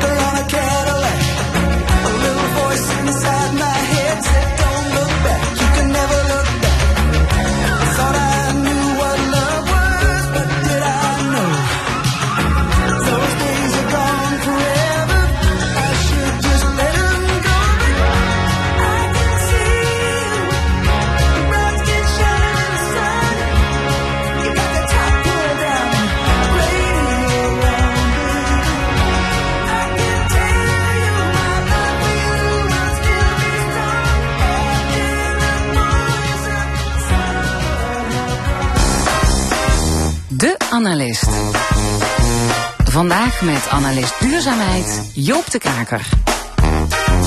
Ja, goedemorgen Joop. Goedemorgen. Ja, eh, Limburg heeft de primeur eh, gehaald met het, eh, de eerste provinciale coalitie van Nederland. BBB, VVD, CDA, PvdA en SP. En ja, jij bent analist duurzaamheid, dus je hebt eens even gekeken naar dat provinciale coalitieakkoord. En langs de meetlat van de duurzaamheid gelegd. Ehm, ja, wat viel je op als je daar naar keek allereerst? Nou, wat we in elk geval opviel was dat uh, duurzaamheid uh, heel vaak genoemd wordt in het coalitieakkoord. Uh, ik heb het geteld, 80 keer. Dus op zo'n 100 pagina's is dat best veel. Dus daar, dat opzicht ben ik zeker tevreden. En dan heb ik nog niet eens termen als natuur, milieu en klimaat meegeteld. En uh, dat zijn stuk voor stuk woorden die er vaker in voorkomen dan bijvoorbeeld het woord geld. Kijk aan, ja. dus je zou denken, er is wel aandacht voor duurzaamheid. En uh, nou, het staat op papier, papier is geduldig. Uh, maar zie je ook dat er daadwerkelijk sprake is van een andere koers die wordt ingezet? Nou, het stuk begint in elk geval veelbelovend met de inzet dat ze willen werken en nieuwe richtingen willen inslaan. nou moet ik heel eerlijk zijn dat ik wat duurzaamheid betreft daar niets uh, van terug heb kunnen vinden. Ik vind het een, uh, echt een typisch uh, middenpartijenakkoord. Met ja, een hele veilige middenkoers die gevaren wordt. Aan de ene kant wordt niet ontkend dat er duurzaamheidsproblemen zijn. Zoals bijvoorbeeld ja 21, Forum en, en de PV dat wel doen. Hè. Eh, die ontkennen echt dat er een klimaatprobleem is bijvoorbeeld. Nou, dat kan niet, daar plaats je mee buiten de bestuurlijke orde. Dus dat hebben ze niet gedaan. Maar aan de andere kant zie je ook dat ze het ook weer niet zo urgent vinden... dat ze hele drastische maatregelen voorstellen. Hè, zoals Partij voor de Dieren bepleit en D66 en GroenLinks... Uh, dus uh, ja, je ziet dat het, uh, deze coalitie duidelijk niet te wachten op boze boeren en boze burgers. En gezien de verkiezingsuitslag is dat natuurlijk ook heel goed te begrijpen. Ja, want de BBB, dat is natuurlijk de grote nieuwkomer. die zal erg bepalend zijn geweest bij het opstellen van dit coalitieakkoord. Um, kun je dat terugzien, de invloed van de BBB op het duurzaamheidsbeleid? Ja, nou, wat je eigenlijk uh, heel snel zag, is dat uh, in tegenstelling tot uh, voorgaande protestpartijen die verkiezingen wonnen, is dat de BBB zich eigenlijk heel snel ontpopt heeft tot een ja, gewone middenpartij, zou ik haast zeggen. die, die graag mee wil regeren, daarvoor ook bereid is om compromissen te sluiten. En, en ja, zich op die manier ook eigenlijk wel voegt in de bestaande orde. Want als je in het eh, coalitieakkoord kijkt, zie je dat eigenlijk alle afspraken op duurzaamheidsgebied, alle doelen die, die Europees zijn afgesproken, die nationaal zijn afgesproken, zijn eigenlijk allemaal één op één overgenomen in het coalitieakkoord. Het is eigenlijk geen duurzaamheidsdoel waarvan gezegd wordt van nou, daar gaan we in Limburg uh, niks mee doen. Het is allemaal niet zo origineel wat daar bedacht is. He helemaal niks? Uh... Nee, eigenlijk, uh, nou ja, één groot uitzondering natuurlijk. En dat, dat was ook onvermijdelijk. De stikstof, hè, waar de BBB ja, natuurlijk hè, De BBB de uh, ging natuurlijk, uh, ja, was protest tegen het stikstofbeleid.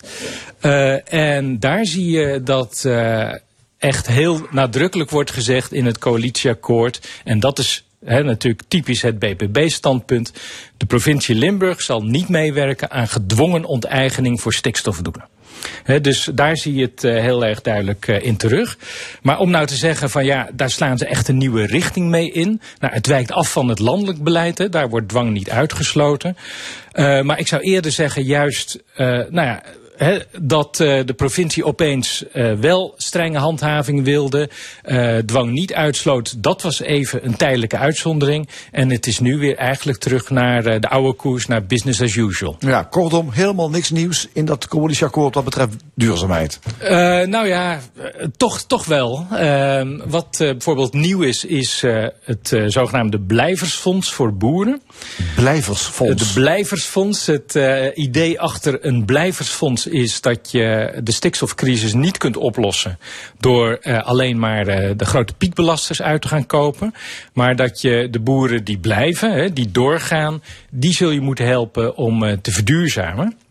En nou, die boeren kunnen dan uit dat blijversfonds kunnen ze subsidie krijgen om bijvoorbeeld bepaalde innovaties door te voeren of om minder intensief te gaan boeren.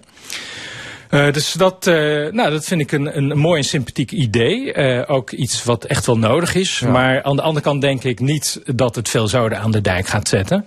Want? nou ja, want het is maximaal 10 miljoen voor de hele provincie, voor alle boeren. Dus dat is toch best wel weinig. Ja. en aan de andere kant zie je dat als je de landbouw echt grootschalig wil laten omschakelen naar een duurzame landbouw dan moeten de boeren daar ook iets structureels voor terugkrijgen. Zoals bijvoorbeeld hogere productprijzen. En dat is ook wat uh, geprobeerd is bijvoorbeeld in het landbouwakkoord. Nou, we weten allemaal, het landbouwakkoord is geklapt. Hè, dus dat is gewoon niet gelukt om dat ook op nationaal niveau te organiseren. Dus ik denk zeker op, uh, op provinciaal niveau gaat je dat ook niet lukken. Ja, je hebt, je hebt nog iets ontdekt. Een, een zogenaamde impact paragraaf. Ja, ja Wat- dat, wat is, is dat? eh, dat is ook eh, wel iets nieuws. Ehm, en dat is eigenlijk een hele lange lijst met eh, zaken die de provincie wil gaan meten, indicatoren, hè, eh, die iets zeggen over of ja, al die resultaten die eh, dan eh, beoogd worden met, eh, met dit coalitieakkoord en die doelen, of die ook gehaald worden. Nou, dat spreekt mij als wetenschapper natuurlijk wel Ja, aan. Hè? Het idee meten is weten. Meten is weten. Eh, maar ik moet zeggen, aan de andere kant zie je toch eh, de laatste tijd dat in de politieke arena er eigenlijk steeds minder interesse is in, in metingen, hè, in feiten. Of iets nou wel werkt of niet. Dus ja, ik, ik ben benieuwd of dat ook echt die coalitie gaat helpen. In dit Ja, maar je zou zeggen, het feit dat dit er is opgeschreven, dat men die koers wil uitzetten, dat men inderdaad toch op wetenschappelijke basis wellicht beleid wil gaan voeren, dat, ja, dat, dat klinkt toch goed eigenlijk? Dat klinkt goed, maar je merkt dat, eh, dat je toch vaak alle kanten mee op kunt. En als eh, ja, de uitkomsten eh, bepaalde partijen niet zinnen, dan worden ze ook gewoon genegeerd natuurlijk. Dan, hè, dan worden ze betwijfeld. En ja, dat speelt verder eh, toch nooit zo'n rol. Ja, dus, dus wat dat betreft, dat heeft dan toch met draagvlak te maken. Draagvlak voor duurzaam beleid. Ja. Ja. ja.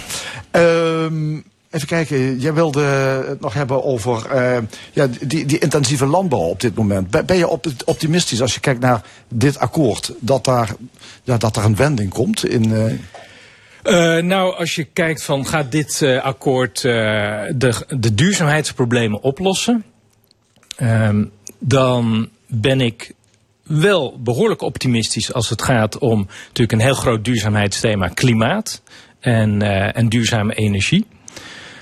Wat dat betreft zie je dus dat het draagvlak daarvoor dankzij meneer Poetin heel erg gegroeid is het afgelopen jaar. En dankzij de gestegen energieprijzen zijn mensen ook eh, veel meer bereid om, om er ook zelf in te investeren, om er ook zelf aan mee te betalen. Eh, er zijn natuurlijk nog een, eh, een hele hoop obstakels in die energietransitie. Maar met een, een grote zak geld en wat goede wil lossen we die wel op. Ehm, ja, ik ben veel minder optimistisch wat betreft het stikstofprobleem en, en eigenlijk alle andere problemen die de intensieve landbouw oplevert, die je net noemde. Eh, ja, daar is heel lang ingezet op eh, innovatie en marktwerking. Ook toen eigenlijk al lang duidelijk werd eh, dat dat niet echt goed werkte. Ehm, strenge regelgeving en overheidssteun om dat, die regels ook, die doelen te halen, dat zou kunnen werken. Maar daar is wel heel lang mee gewacht. En dat wordt nu verschrikkelijk duur. Hè? dus Ehm, dus dat, dat is nog maar de, de vraag wat er gaat gebeuren. ja, ik denk het niet. Je denkt het niet. Nee. Dankjewel, Joop de Kraker. Voor je aller, allerlaatste bijdrage, Joop. Dat klopt. Ja. Na vier jaar eh, stop ik ermee. Dan mag een ander het van me overnemen. Een Dat- nieuw geluid. Goed zo. Eh, straks in de stemming. Gemeenten zijn niet meer zo happig op vriendschapsbanden met een Chinese evenknie. Is dat begrijpelijk of kun je beter contact blijven houden?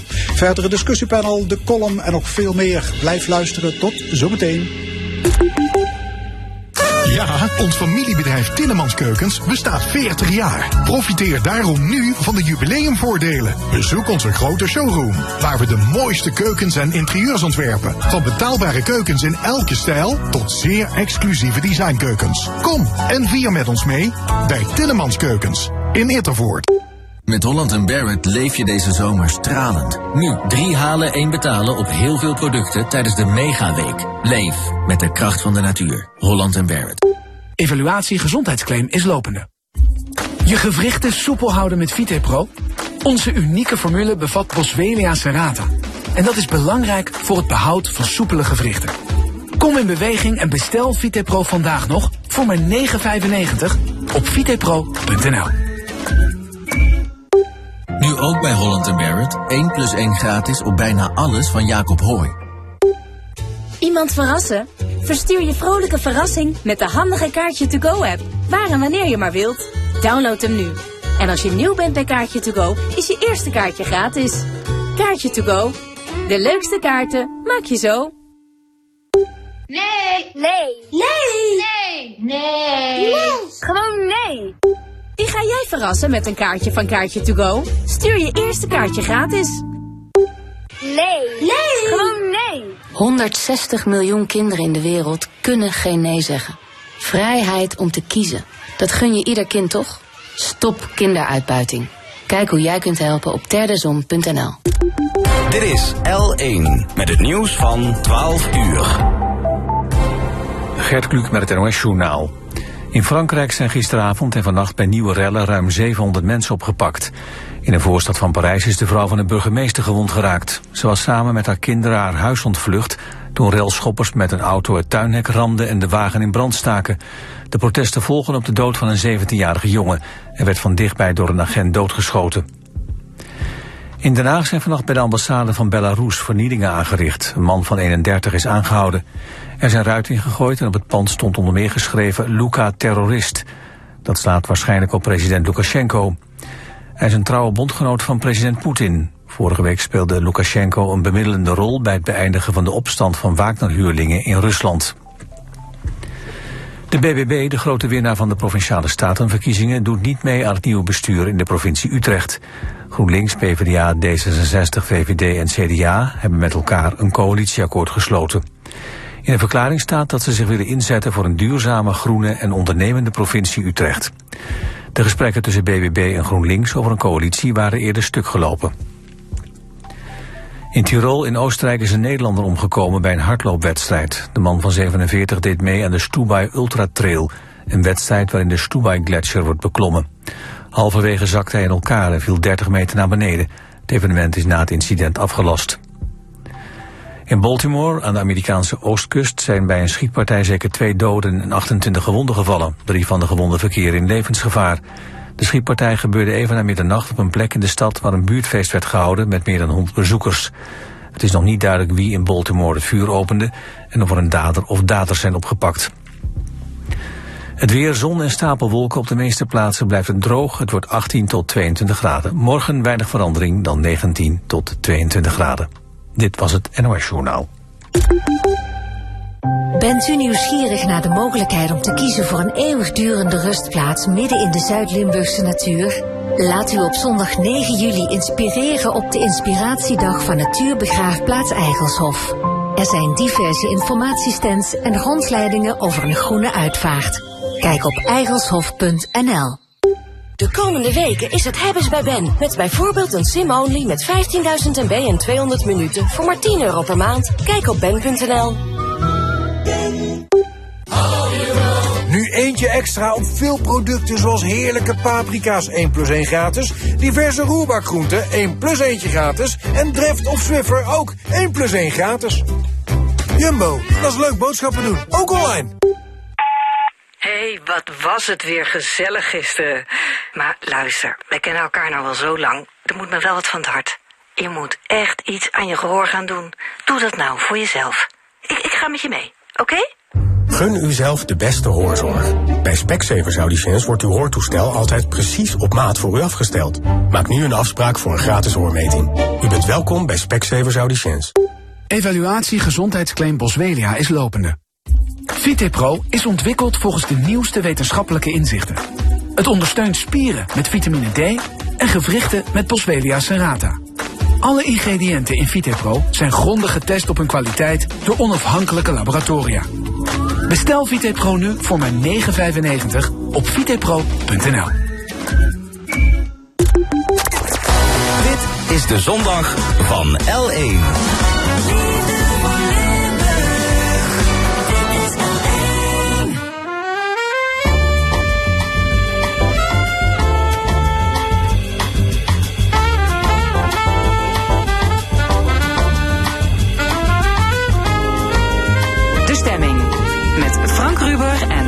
Geraerts. Opnieuw welkom bij De Stemming. Wat allemaal in de tweede uur. Over zo'n 25 minuten een discussiepanel. Dat uh, discussieert over het drooglekken van sportkantines en andere actuele zaken. Een column van publicist Jos van Wersch over de Tour. Maar eerst vriendschap met China. Die is op zijn retour. Althans, wat betreft gemeenten en provincies. Steeds vaker worden vriendschapsbanden met Chinese zustersteden beëindigd. Weert stopte met de vriendschapsband met Wuhan, Valkenburg met Jiangsu en de liefde tussen Maastricht en Chengdu is ook bekoeld. Waarom worden die stedenbanden opgezegd en is het verstandig om de contacten te verbreken? We gaan erover praten met Sjoutje Martin en Hans Moleman, voormalig China-correspondent van de Volkskrant. Ja, welkom allebei. Uh, ja, stedenbanden met Chinese zustersteden worden steeds vaker opgezegd. Hans Moleman, even terug in de tijd. Waarom is men daar ooit mee begonnen? Uh, van Nederlandse kant, van Limburgse kant, dacht men, we gaan eens kijken of er met die opkomende economische grootmacht uh, uh, zaken te doen zijn. Of daar orders, werkgelegenheid te halen is, investeringen vanuit China in Limburg, in Nederland. Um, de Chinezen zeiden, wij willen graag relaties win-win. Die hebben heel goed gekeken waar kunnen we uh, zelf iets halen. Bijvoorbeeld Eindhoven, uh, daar zit high-tech. Um, en nu is de periode van um, de kennismaking voorbij en het uitlekgewicht ja. voor Limburg ja, voor Limburg is gering. Ja, de hoop uh, ja, was dat Chinezen hier zouden gaan investeren. Ja. In Weert dachten ze dat daar een distributiecentrum van internetgigant Alibaba zou komen. Ja. Nou, die ging uiteindelijk naar Luik. Uh, kun je, is er sprake van naïviteit van onze bestuurders? Uh, nee, niet uh, 100 procent. Um, je kunt wel zeggen dat men uh, zich vooral door um, um, de, de wens heeft laten leiden van wij moeten uh, dit proberen. Vervolgens heeft men denk ik in de uitvoering wel uh, her en der naïef geopereerd. Ja, ja. Maar, ken, maar nu worden de banden verbroken, dus kennelijk ging het ook helemaal niet om, om vriendschap, maar om handel. Ja. En daar komt niks van terecht, dus dan zeggen ze we, we kappen ermee. Ja. Ja. Ja, Goed. zo gaat dat. Ja, zo gaat dat. Sjoutje Martin, je bent onderzoeker van Klingendaal China Center. Um, ja, volgens mij gaat het voor de Chinezen ook niet uh, in eerste instantie om vriendschap. Want uh, het is niet voor niks dat ze vooral stedenbanden zoeken in de regio's waar glastuinbouw en chipsfabrieken zitten. Klopt toch, hè? Ja, wat je ziet, die, veel van die stedenbanden die zijn al echt tientallen jaren oud. Um, en de reden waarom die zijn opgezet is misschien nu niet meer de reden waarom ze nog worden aangehouden. Dus je ziet ook echt een verandering door de tijd van die stedenbanden, wat de aard daar dan van is. Um, en in het uh, ja, jaren 70, jaren 80, jaren 90 was er veel meer ruimte voor centrale overheden in China ook, decentrale overheden, om daar zelf te bepalen wat, wat ze deden, waarom ze die banden aanhaalden. Maar nu onder Xi Jinping dus de laatste paar jaren zie je echt een verschil in die stedenbanden en in die uh, provinciebanden. Waar er veel meer wordt gekeken van nou ja, hoe kunnen we dit als centrale overheid aansturen. En hoe kunnen we hier uh, he, dus het doel van die communistische partij steunen. Ja, dus, uh, dus die stedenbanden die, die worden centraal aangestuurd en gecontroleerd door de Chinese overheid. En ik geloof dat het ministerie van Buitenlandse Zaken ook een, een toestemming moet, een vergunning moet geven, hè, toestemming moet verlenen. Ja, er is een organisatie binnen dus die Chinese overheid die uh, overzicht heeft van al die MOU's, al die uh, memoranda die worden ondertekend. Die dus kijkt naar wat er dan precies in staat en of het dan ook nut heeft voor de Chinese kant. Ja, wat is het belang van de Chinezen om dit te doen? Nou, nu zie je heel erg. Um, er wordt gekeken inderdaad wat kan China halen in Nederland. Zoals Nederland ook kijkt wat ze kunnen halen in China. Mhm. Mm -hmm. Uh, maar dat wordt dus veel centraler aangestuurd aan die Chinese kant. En er wordt gekeken van nou ja, waar kunnen wij de banden op, opbouwen uh, om onze afhankelijkheid van de rest van de wereld af te bouwen. Uh, en als het dan gaat om Limburg, dan uh, ja, in Weert ging het om logistiek. in de banden met Maastricht gaat het om gezondheidszorg. Want Maastricht heeft daar natuurlijk een fantastische universiteit zitten die daar erg sterk in is. Life sciences. Um, en daarbij willen ze kijken naar hoe kunnen we leren van de ouderenzorg van die Nederlandse kant. Hans Moleman, de eerste stad in Nederland die het contact verbrak was Arnhem. Met als argument de onderdrukking van de Oeigoeren. Wat vind je daarvan? Nou ja, dat is natuurlijk altijd een, een, een, een, een pijnlijk onderdeel geweest van de stedenbanden. Um, waar je niet over mag praten met de Chinezen. En dat is over gevoelige mensenrechten, dat is over Taiwan, dat is over nu uh, de manier waarop met Hongkong uh, wordt omgesprongen. Um, en dat zorgde bij veel Nederlandse bestuurders um, voor, um, hoe zal ik het zeggen, proactieve zelfcensuur. Ja, maar je toen, weet, die, maar je toen, die, toen die steden, Chinese, maar toen ze eh, be- begonnen met die stedenbanden, toen werden de mensenrechten daar ook met voeten getreden. Ja. Wat is nu het verschil? Nou, dat was. Um, um, en nu wordt er opeens een punt van gemaakt. Nou, dat, dat is die naïviteit uh, die je kunt uh, aanwijzen in het uh, opzetten van die contacten. Wegkijken van de gevoelige punten en kijken wat je kunt halen Ja. op economisch gebied. Sjootje Martin, wat vind jij ervan dat stedenbanden worden opgezegd omdat in China ja, de Oei- Oeigoeren worden onderdrukt en vanwege de algemene, eh, algehele repressie in dat land? Nou, eerst was mensenrechten juist ook een, een reden om die banden wel te hebben. Ehm, omdat zo'n eh, Nederlandse vertegenwoordiger dan zo'n stedenband of een provincieband kon gebruiken om te zeggen, nou, zo kijken we er in Nederland naar. Ehm, we hebben hier zorgen over. Ehm, en nou ja, zorgen dus over die mensenrechten kwesties in China. Maar nu hebben we door de jaren gezien dat je dat dan wel kan zeggen, maar dat er natuurlijk niet zo heel veel verandert. Nee, dat werd ook gezegd eh, vlak voor de Olympische kant. Spelen in China. Hè. We moeten dat evenement vooral niet boycotten. We moeten de communicatiekanalen open houden. Alleen door contact kan China democratischer worden. Dat is allemaal, ja, allemaal niks van terechtgekomen. Ja, je ziet aan die Nederlandse kant dat de naïviteit weg is, maar dat we nu ook een beetje aan het overslaan zijn in naar de andere kant. Dus te veel zorgen waar er misschien niet altijd zorgen zijn. Um, wat wel zorgelijk is bij die stedenbanden en wat Hans Moleman ook al zei, um, er zijn veel meer zaken opeens niet meer bespreekbaar, terwijl die dat wel zijn. En mensenrechten is daar één ding van. Ja, maar kun je nu als lokaal bestuur beter wel of geen relatie onderhouden met een politiestaat? Het ligt er echt aan per um, band die je hebt, of je daar iets uit kan halen. Dus bijvoorbeeld als je keek naar die band tussen Weert en, en de Yuhang. Dat is een plek trouwens, uh, onderdeel van een stad uh, waar meer dan een miljoen mensen wonen. Ja. Daar heeft Weert uiteindelijk niet uitgehaald wat ze wilden halen, wat die economische kant is. Dus hebben ze besloten, nou ja, dan gaan we die band opzeggen, want we halen er niks meer uit. Maar er zijn tegelijkertijd nog steeds genoeg andere banden waarbij wel veel economische samenwerking is, um, uitwisseling tussen studenten, dat soort dingen. Ja, daar, dat is echt een politiek, politiek besluit of je dat dan ook wil afsluiten. Ja, je zei net, die stedenbanden zijn tamelijk olieverwichtig, hè? Um, qua grootte. Dat geldt ook voor Valkenburg, 16.000 inwoners. En Jiangyu 1 miljoen. Is dat niet een beetje raar? Ja, dat, dat gaat dus weer terug op dat punt van de logica van zo'n stedenband. Heb je er wel echt iets aan? Um, een van de eerste stedenbanden tussen Nederland en China was tussen Rotterdam en Shanghai. Rotterdam was toen de grootste haven in de hele wereld en Shanghai was echt opkomend. En toen was die stedenband heel logisch omdat Rotterdam veel heeft kunnen leren aan Shanghai over ja, heel bazaal het aanleggen van zo'n haven in de eerste plek, hoe dat dan werkt. Um, nu zijn die relaties natuurlijk veranderd. Dus je moet nu kijken, is die stedenband die we tientallen jaren geleden hebben opgesteld nog steeds wel nuttig voor ons? Ja. ja, het gaat eigenlijk de hele tijd over nut. En het woord vriendschap, dat, ja, komt dat op het tweede plan? Ja, we hebben hier met Klingendaal onderzoek naar gedaan, naar die stedenbanden dus en provinciebanden. En dat noemen we ook vriendschap winnen. Um, omdat er aan de Chinese kant zo over wordt gepraat. Uh, het winnen van vriendschap met andere landen.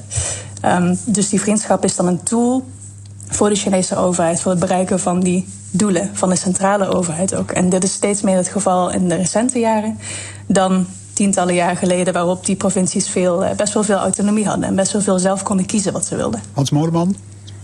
Ja, kijk, als je kijkt naar de culturele banden, hè, uh, bijvoorbeeld uh, de Confucius-instituten.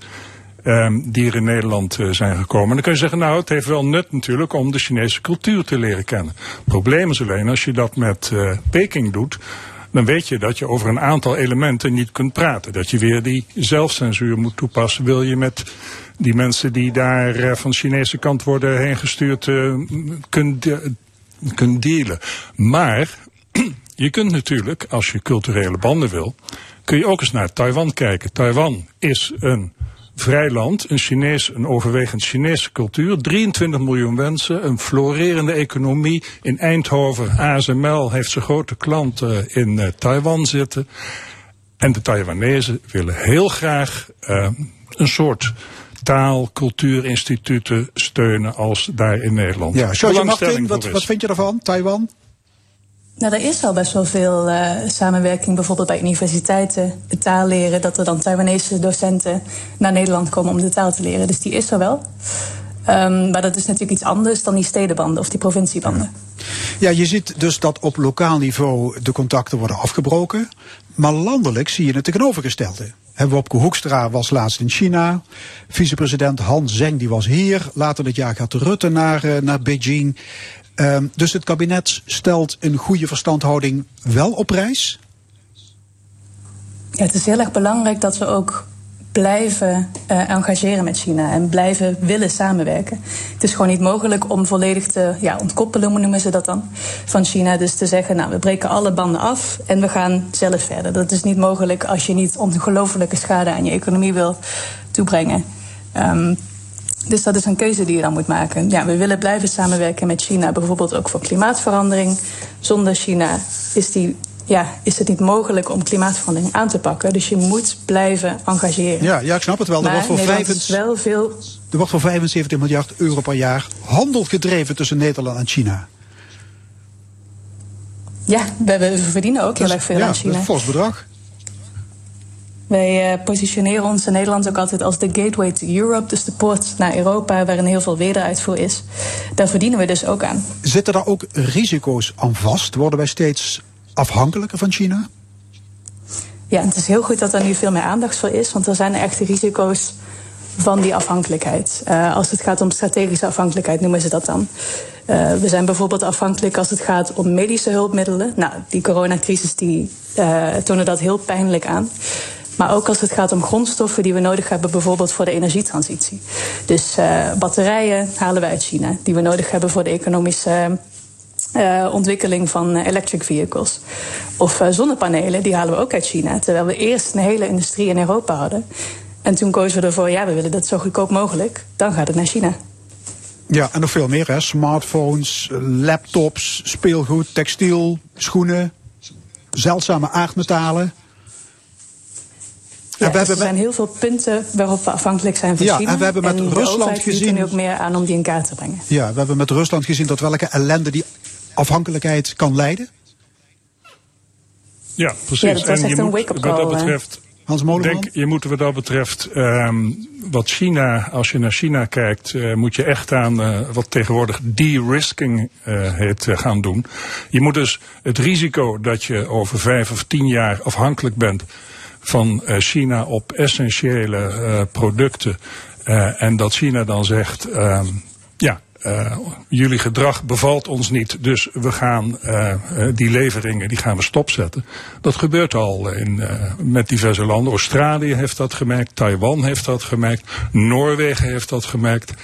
Ehm, en je moet ervan uitgaan dat China wat dat betreft zijn economische macht de komende jaren alleen maar meer zal willen inzetten. Dus dat, dat is echt een risico waar je als bedrijfsleven en als overheid eh, heel scherp naar moet, eh, moet kijken. Hebben ze dat voldoende op het netvlies in Den Haag? Eh, je ziet dat, het, dat de aandacht ervoor groeit.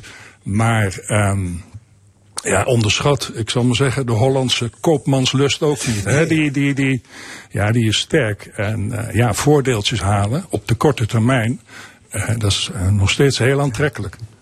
En daar komt bij dat eh, onze inlichtingendiensten die waarschuwen voor China. De AIVD zegt, China is de grootste dreiging voor onze economische veiligheid. Ze maken zich schuldig aan bedrijfsspionage. Hoe, hoe alarmerend is dat? Nou ja, kijk, eh, iedereen, eh, ieder land eh, doet aan spionage. En alle bedrijven die op wereldschaal opereren, die kijken ook bij de concurrent hoe die het doet. Eh, je kunt alleen zeggen, eh, in China zijn ze er eh, natuurlijk wel met een inhaalslag bezig. En daar moet je heel scherp op zijn. En dat betekent dat je op allerlei niveaus heel goed moet kijken wat voor mensen je binnenhaalt in je bedrijf die misschien kunnen lekken naar China. Ja. Sjoutje Martin, hoe heb jij dat rapport gelezen van de AIVD? Want dat loog er niet om, hè?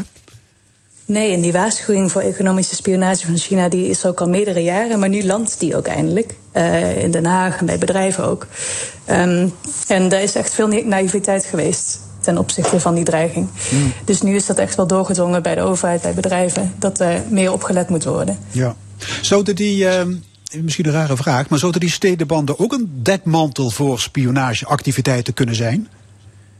Nou, daar hebben we dus onderzoek naar gedaan, mijn collega Ties Dams. Um, en daarbij werd uitgevonden dat er wel, uh, om dan toch maar een beetje onderzoekstaal te gebruiken, latente mogelijkheden waren uh, om dat te doen. Dus uh, slapende mogelijkheden in die stedenbanden om dus het narratief te beïnvloeden van China in Nederland. Maar dat daar nog niet echt gebruik van werd gemaakt. Nee. Um, maar dit onderzoek is ook alweer van begin 2022. Dus of dat nu het geval is, dat durf ik niet te zeggen. Ja. Hans Moleman, waakzaamheid is wel uh, op zijn plaats. Als het gaat over dit onderwerp. Bedrijfsspionage. Ja, uh, absoluut. En um, ja, je, je kunt daar niet uh, scherp genoeg op zijn, denk ik. engageren met China is goed. En op je tellen, op je tellen passen is nog beter. Ja. Je zei er straks Taiwan. Dat, dat is een, um, goed land voor Limburgse gemeenten om, om een stedenband mee aan te gaan. Je bent er net een half jaar geweest. Ja. Uh, vertel eens wat over Taiwan. Nou ja, Taiwan is um, uh, vanuit het perspectief van uh, Peking een rebelse provincie. Wat is um, het rebelse? Het is een democratie. Het is een Aziatische democratie uh, met, een, uh, um, met een achtergrond uh, van auto, een autoritaire staat. Hè. 40 jaar geleden was Taiwan nog een, ja, een eenpartijstaat. die veel leek qua bewind op, op het Chinese vasteland. Tegenwoordig is het een moderne democratie met een florerende economie en met een grote behoefte om uh, internationale banden uh, aan te gaan met andere democratieën. Omdat ze door Peking in de hoek zijn gedrukt. Peking zegt als jullie he, het Westen uh, banden met Taiwan aangaan, dan krijg je last met ons. Um, en dat betekent dat je daar dus als westers overheden um, slim moet opereren. En daar is, eh, denk ik, eh, ook voor Limburgse uh, overheden een, ja, een interessante terrein Interessant te verkennen. terrein, oké. Okay. Ja. Sjoutje Martin van Klingendaal, mee eens? Ja, die relatie met Taiwan die, van Nederland die valt binnen het één China-beleid. Dus Nederland zegt wij erkennen uh, China met de communistische partij uh, als het echte China. En niet dus Taiwan, wat dan de Republiek Nee, oké, okay, maar is, zou het goed zijn als Limburgse uh, gemeenten stedenbanden aangaan met steden in Taiwan? Ligt eraan wat je daar dus uit kan halen. Uh, er is al best wel veel uitwisseling met Taiwan. Uh, met bezoeken bijvoorbeeld van parlementen van Europese landen richting Taiwan. Um, laatst is ook uh, oh, nu ben ik zijn naam kwijt, maar van de oudere partij richting Taiwan geweest om te praten over um, samenwerking in de ouderenzorg. Dus er zijn echt belangrijke punten waar je kan samenwerken met Taiwan. Ja. En uh, halfgeleiders, chips is daar een belangrijke van. Want Taiwan is de enige die de meest kleine chips kan maken. Die we nodig hebben voor okay, dus uh, de meest geavanceerde daar liggen, daar liggen kansen. Maar dan heb je als, ik noem maar wat, uh, gemeentebestuur van Pelemaas een stedenband met Taipei. En dan vallen de Chinezen het eiland binnen. Nou, ik zou als speler Maas niet uh, Taipei nemen. Dat is een uh, maatje te groot. Nee. Maar er zijn, er bekend, zijn, er zijn tal van, er zijn tal ja. van uh, kleinere gemeenten. Nee, maar je begrijpt wat ik bedoel. Ja, die, Want de kans op een, op een invasie van China is, is groot. En dan... Ja, nou ja... Um, Nee, ik denk okay. dat de kans op een fysieke invasie heel klein is. Uh, wat, je, wat, je, wat je ziet uh, met uh, het gedrag van Peking naar richting Taiwan is dat er geïntimideerd wordt en dat er getracht wordt om de bestuurders in Taipei um, in, in, in, in lijn te laten lopen. een militaire inval zou, of het nu over vijf jaar of over tien jaar is, zodanig economische schade berokkenen aan China uh, dat um, um, meneer Xi en uh, zijn mogelijke opvolger uh, heel goed hun knopen zullen tellen. Ja. Uh, de, het Chinese, de Chinese regering, dat is niet de, de, de, de, de, de kun je niet met het Poetin-regime vergelijken. Oké, okay. Sjoutje, er komt geen inval. Ben je eens? Ja of nee? Ja, ik ben het volledig eens met het punt van Hans dat zo'n inval niet zo snel zou gebeuren, omdat er ook voor China zelf heel veel kosten aan zouden liggen. Um, de hele wereldeconomie zou met meer dan 2 biljoen euro schade berokkenen als er niet eens een hele invasie is, maar alleen een economische blokkade. Dus dat is dan een, scenario dat iets minder extreem is dan zo'n invasie. Uh, wat je wel ziet, is dat China natuurlijk de druk opvoert richting Taiwan. En steeds meer vliegtuigen die kant op stuurt, bijvoorbeeld. Maar een invasie, dat is dan weer een stap verder. Oké, hartelijk dank voor dit gesprek. Sjoutje Martin van het Klingendaal China Center en journalist en China-kenner Hans Moleman. Dankjewel. Graag. Dit is L1 met de stemming over politiek, cultuur en samenleving. Straks bespreekt het opiniepanel het nieuws van afgelopen week. En Jos van Wers die is er met zijn column. Maar eerst Graham Parker en The Rumor. Don't ask me questions.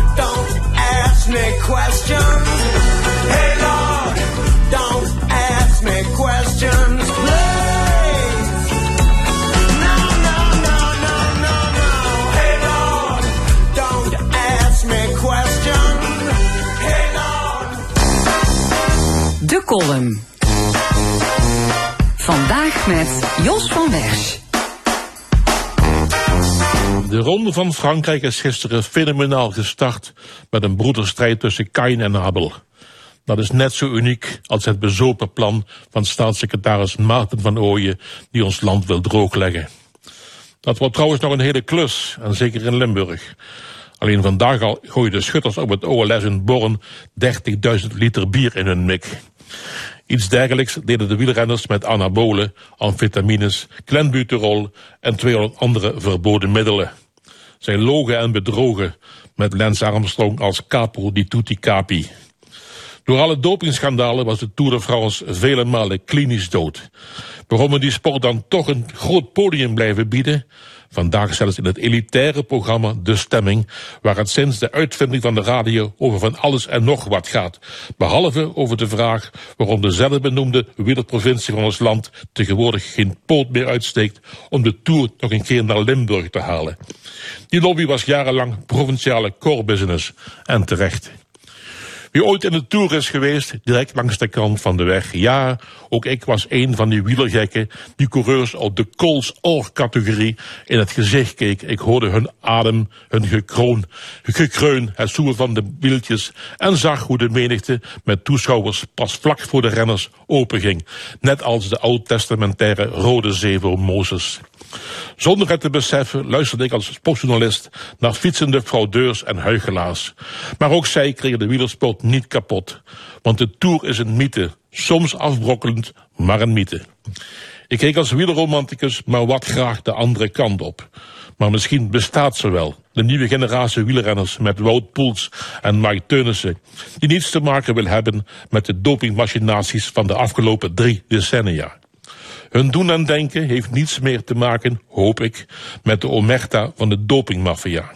Al kun je haast niet geloven dat er tussen Bilbao en Parijs niet uit verboden potten wordt gesnoept, want daarvoor is het vertrouwen te vaak beschaamd.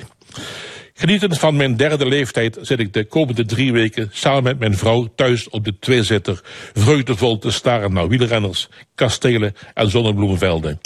Sta je dan Formule 1, is het nooit.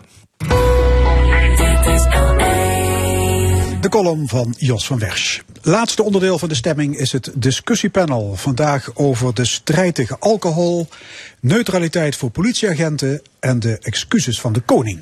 Hartelijk welkom, communicatiedeskundige Geert van der Varst, zelfstandig ondernemer Cor Bosman en onze columnist Jos van Wersch.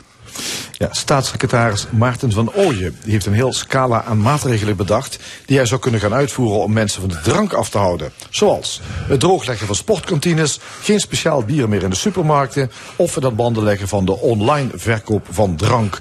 Ja, vinden jullie het een eh, goede stap van onze staatssecretaris dat hij hiermee komt met eh, deze groslijst? Ja, dat is wederom zo'n eh, zo'n ondoordachte eh, vorm van symboolpolitiek. Eh, het zet 0,0 zoden aan de dijk. We hebben in het verleden hebben we al zoveel maatregelen die genomen zijn. Eh, we hebben een suikertax. we hebben de discussie gehad over het verlagen van de BTW bijvoorbeeld op, op gezonde producten. Wat daar maar niet kan komen, want dat is belastingtechnisch heel moeilijk om dat door te voeren. Terwijl vanaf 1 juli kan zomaar de accijns in één keer op de, op de benzine, die kan wel in één keer omhoog. Eh, ik, ik, ik, ik denk niet dat dit eh zoden aan de dijk gaat zetten. Nee, iemand anders wel? Die denkt dat... eh, Nou ja, 0,0 zeg je, maar dat zal waarschijnlijk wel zo aan de dijk zetten, dat 0,0. Maar het gaat waarschijnlijk wel door als hij zijn zin krijgt. Maar het is, eh, ja, ik moet zeggen, ik sportkantines, Cor, kan ik me nog iets bij voorstellen.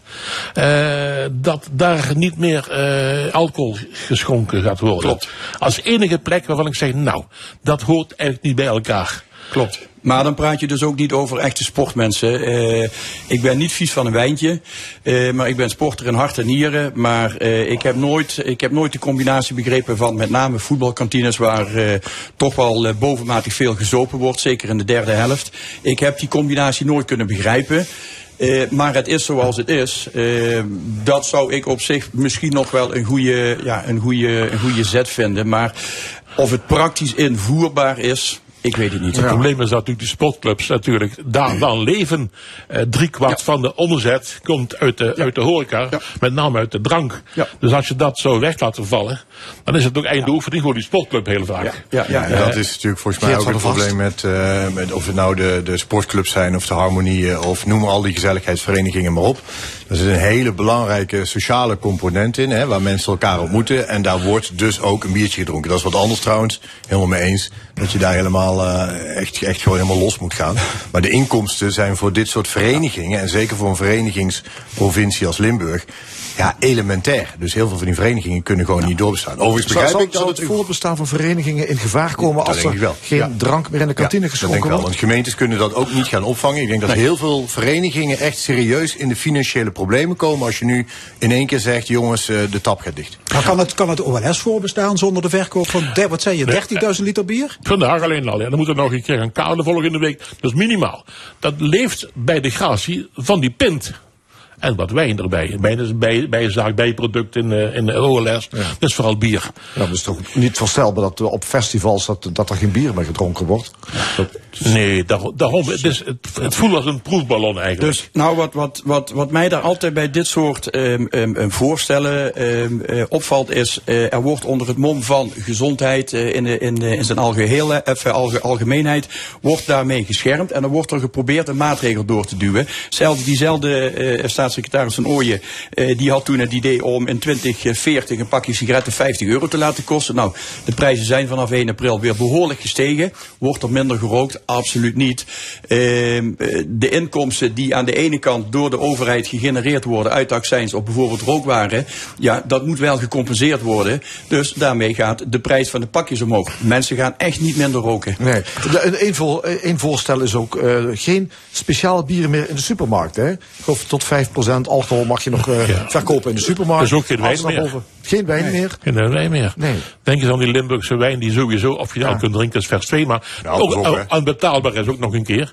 Maar als dat zou wegvallen bij, bij, bij de super, bij de wijnboeren, Ja, dan moet je naar de, naar de slijterij. slijterij toe. Oh, maar het is wel einde oefening hoor, voor heel veel sectoren die gewoon daar Van Ooyen is volgens mij met een lijstje met dingen. Die heeft tegen zijn ambtenaren gezegd, nou bedenk eens even, kom nou eens even met een lijst met dingen die we zouden kunnen doen. Dat is het. Om is een groslijst. Is een groslijst. Ja. En die is vervolgens eh, de Tweede Kamerfracties langs gegaan en die heeft gezegd, nou hier is een lijst met eh, 70 dingen.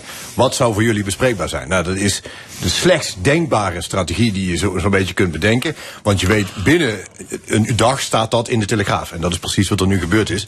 En vervolgens is natuurlijk ja, zijn hele plan al in, in het water gevallen. Ja, of in het ja, bier. de, de vraag is ook, zou de burger de vrijheid moeten hebben om een ongezonde keuze te maken? Ja, absoluut. Absoluut. Eh, ik denk dat die verantwoordelijkheid veel meer bij de burger neergelegd zou moeten worden. Want ehm, eh, bijvoorbeeld het, het, ehm, het ontmoedigen van, van, van het roken bijvoorbeeld. Eh, vanaf volgend jaar, dan mogen, of vanaf ja, 2024, dan mogen de supermarkten, waaronder bijvoorbeeld mijn, mijn onderneming, wij mogen geen sigaretten meer verkopen. Nou, dat betekent toch dat je een forse omzetdaling hebt. En dan wordt er heel doodleuk gezegd van nou, een ondernemer die moet creatief zijn en die moet dan maar creatieve middelen vinden eh, of ideeën bedenken om die omzet te compenseren. Nou, als het zo makkelijk was, dan was in Nederland iedereen ondernemer. Het probleem is niet zo makkelijk op te lossen.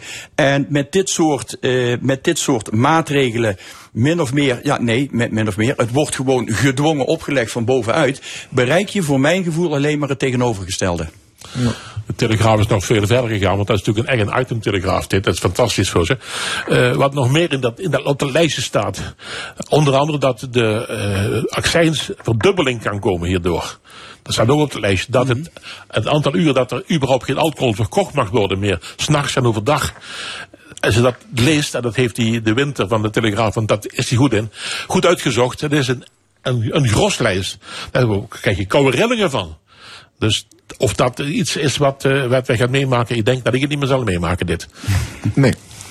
Geert van der Was, heeft de burger, eh, moet hij de vrijheid hebben om ongezonde keuzes te maken? Nee, tuurlijk. Uit, uiteindelijk, eh, eh, zeker met alcohol verbieden, daar heeft de geschiedenis uitgewezen dat dat een hele ingewikkelde is. Dus uiteindelijk zul je toch eh, eh, mensen op, ja, moeten opleiden over de gevaren van. De overheid is toch ook bezig met preventieprogramma's? Precies. Om, dus ik kijk de op bevolking gezonder te dat krijgen. ze iets proberen te doen om dingen die slecht voor je zijn terug te brengen, ja, dat vind ik niet gek. De vraag is alleen van hoe, waar, waar, waar, is, zeg maar, hout, hout, eh, eh, waar begint het betutteling te worden? En ik denk dat op het moment dat je zegt van nou eh, tussen 4 en 8 mag je geen alcohol meer ergens bestellen of online mag niet meer, Ja, dat gaat wel heel ver hoor. Maar als ik even op die preventiemaatregelen mag, mag inhaken. Eh, overheid eh, eh, eh, steekt heel veel energie in allerhande informatie eh, verkondigen.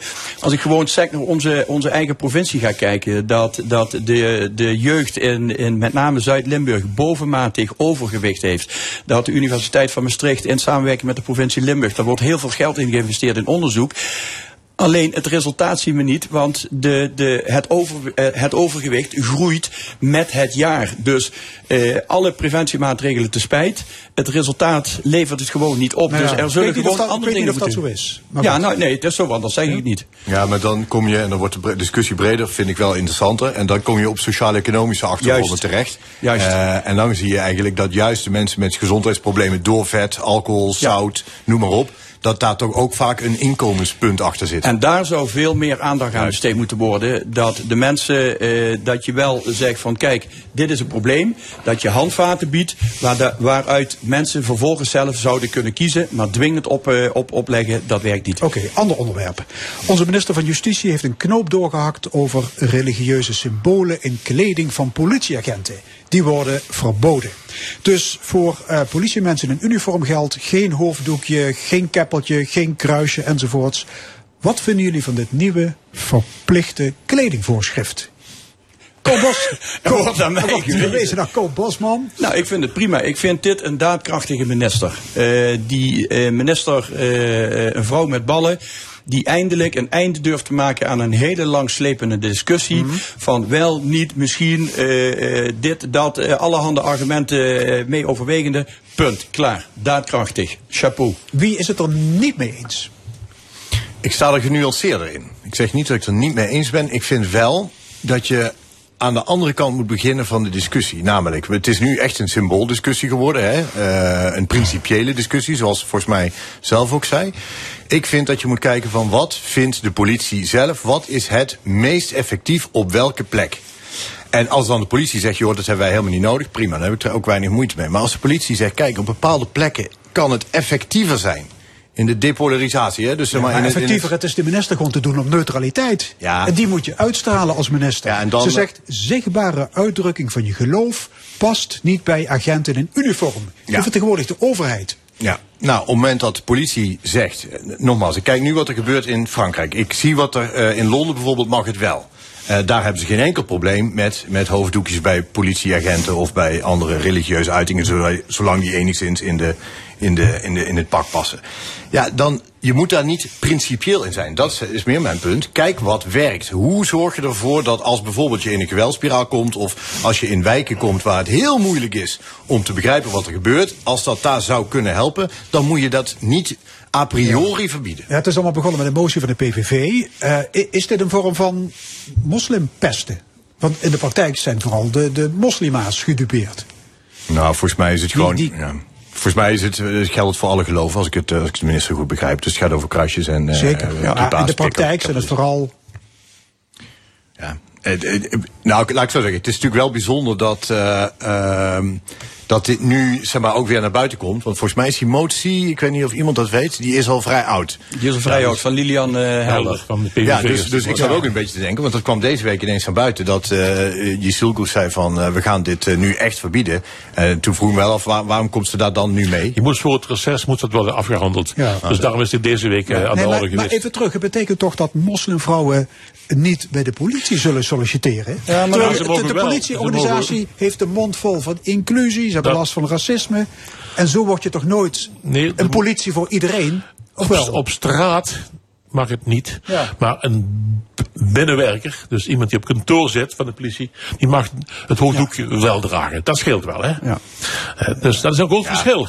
Maar als je op straat, ja, op straat iemand eh, ontmoet van het gezag, dan moet er een soort eenduidigheid zijn. Vind ik voor mezelf ook. Dan weet ik gewoon net zo goed als een, als een buschauffeur geen, geen, geen in de indianentooi draagt. Of, hè, of een, ja, een, een conducteur van, van de NS met een kooibegoed rondloopt. Moet er een beetje eenheid zijn, denk ik, in dit soort functies tenminste. Ja, en dit deze maatregel die, die, die ontneemt niemand het recht op zijn of haar geloof. Het, het is alleen een, een, een generieke maatregel, Nederland breed, waarbij je als overheidsinstantie één, één uniforme uitstraling hebt. Dit heeft niks te maken met moslimpesten. Ik wil het zelfs nog omdraaien. Ik vind dat wij met, op bepaalde onderwerpen dat wij te maken hebben met moslimchantage. Want er wordt al heel snel gezegd van, jij mag geen hoofddoek dragen, jij mag dit niet, jij mag dat niet. Eh, omdat we dat zo met z'n allen hebben afgesproken. En dan word je meteen in een bepaalde hoek geduwd. Nee, dat is niet zo. Ik wil daar heel stellig stelling in nemen. Dit is niet zo. En als we het hebben over inclusie, met name bij de politie. Ik heb vorige week, twee weken geleden, heb ik met een politieman heb ik nog een gesprek gehad. Die ergert zich dood aan de inclusie, aan de zogenaamde inclusie binnen het hele politieapparaat. Want, zegt hij, op het moment dat ik wil solliciteren intern op een sollicitatie, waarbij dan de onderregel, de onderste regel aangeeft dat mensen met een etnische achtergrond ja, of met een andere huidskleur, dat die de voorkeur genieten. Dan moeten we heel snel de mond houden over inclusie. Dit heeft niks met inclusie te maken. Je gaat zelfs de inclusie ondermijnen door bevolkingsgroepen, door mensen eh, eh, in bepaalde hokjes te gaan plaatsen. Dan ga je voorbij aan die inclusie, want dan ga je onderscheid maken. Ja, maar dit is dus precies. Dit is eigenlijk precies wat ik bedoel. Met, we voeren de discussie op het verkeerde punt. Het gaat hier over. Want ik ben het met je eens, hè, je moet niet mensen meteen in allerlei hokjes stoppen, want dat heeft geen enkele zin. Ga terug en vraag aan die politieagent die je voor wat is het er onlangs gesproken hebt. Vraag aan hem. Hoe kunnen we op welke plek het beste ons werk doen? Daar heeft die politieman slash vrouw het meeste aan. En als dat op sommige plekken is, als je mensen hebt met dezelfde culturele achtergrond, ja, waarom zou je dat dan bij, bij voorbaat verbieden? Ja, Kijk, en, en, en, we, oh, gaan, sorry. we gaan naar het volgende onderwerp. ja. Eh, vanaf gisteren moet iedereen betalen voor plastic koffiebekers en frietbakjes.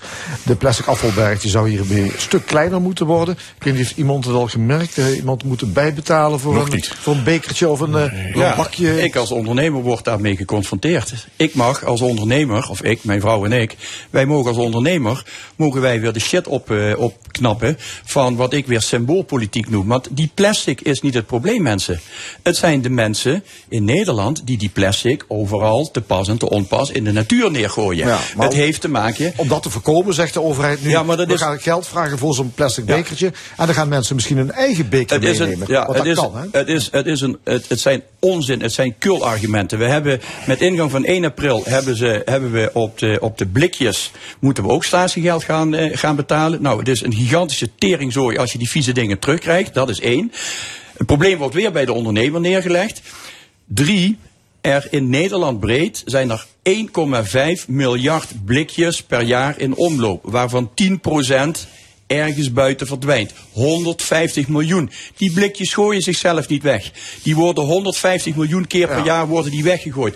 En ik wil even graag de andere tafel gassen, maar ik zal dadelijk even de praktijk, wat ik als ondernemer sinds gisteren hiervoor mag doen. Ja, maar goed, de- wat denken jullie? Eh, Ja, zegt, ik- ik, ik- moet het als ondernemer oplossen. Nou goed, we moeten wel van die afvalberg af. Ja, zeker. En daar gaan we ook, ik ook graag voor betalen. Maar ik moet daar iets van 4 of 5 cent ik, nu bij betalen. Nou, dan. Nou, het advies is 25 cent voor een bekertje Ja. en 50 cent voor een bakje. Nou, ik denk dat het nog minder, dat het nog minder is. Nou, dat is dan het- dan zijn het dat. ja. Want het is ook een praktisch probleem natuurlijk. Want ja, ik lees ook natuurlijk wat de mensen die het aangaat eh, meemaken. Eh, gisteren bestel ik met een, een friet, eh, frietje met, met, met goulash of met zuurvlees. Ja, dan kan dat eigenlijk niet meer in een plastic. Dat moet in een, in een puntzak. Los, hè, dat is al iets wat überhaupt dat niet gaat als een frikandel speciaal. Ik ben er een groot liefhebber van. Dus ik mag wel meepraten daarover. En ja, het, ik ben toch praktisch mensen. Dus dat kan helemaal niet. Eh, maar ik kom net van, eh, van thuis uit. Ik heb drie eh, grote eh, bergen met rotzooi langs de weg zien liggen. Als ik zie wat er vandaag in de, in de klever, dat is de weg tussen Schimmelt en tussen de autoweg, maar streekt hele langs de kant ligt vanmorgen vroeg, aan plastic bakken en rotzooi. Maar dat is toch de bedoeling dat we daar vanaf raken? Ja. Dus, dus met, die, met die heffing zullen mensen misschien eh, denken... Van, houd toch ik- ik- Dus je maar- denkt dat die meneer, die mevrouw die dan die plastic moet betalen iets meer, dat dat niet meer, dat, dat niet meer gaat doen. Die Onzin. Mensen die dat langs de kant gooien, dat is gewoon gaaiers. Dat, dat was gaaiers, dat blijft gaaiers, natuurlijk. Anders gooien ze thuis weg. Ik bedoel, Precies. wat, Ja. wat is het Ja. verschil eigenlijk? Ja. Ja, dat is het verschil juist. En- Cor, jij gaat er toch aan verdienen? Want die Nee, mensen nee, moeten ik- betalen nee, voor een ik ga- bakje. ik ga er helemaal geen ruk aan Als jij verdienen. een kwartje vraagt voor een, voor een bekertje, Ja, dan nou, gaat, dat- dan gaat nou, dat, dat- dat, nou, dat- dat nou, bekertje is goedkoper, dus jij gaat verdienen. Nou, nee, ik ga niks verdienen. Heel simpel. Een plastic bakje met een inhoud van 1 kilo. Een magnetronbakje. Want ik kan geen plastic bakje meegeven wat in de magnetron smelt. Voor een thuismaaltijd. Plastic bakje van 1 kilo plus een dekseltje kost mij 40, 45 cent. Dus met dat kwartje heb ik al 20 cent verlies. Ja, ik je daar- 50 cent Ik mag daar, nee, ik moet, ik moet vervolgens die aparte verpakking moet ik op mijn kassabon vermelden. Dus ik moet mijn kassasysteem aanpassen. Dat kost ook alweer geld. Ik moet vervolgens de consument eh, de vrijheid geven om te kiezen tussen een herbruikbaar bakje waar borg voor betaald moet worden. Ik moet de keuze bieden voor een wegwerpbakje waar die statiegeld voor moet betalen. Of ik moet een alternatief aanbieden, een papieren zakje bijvoorbeeld. Moet ik, moeten, dat is dwang. Daardoor verdwijnt die berg afval extra niet.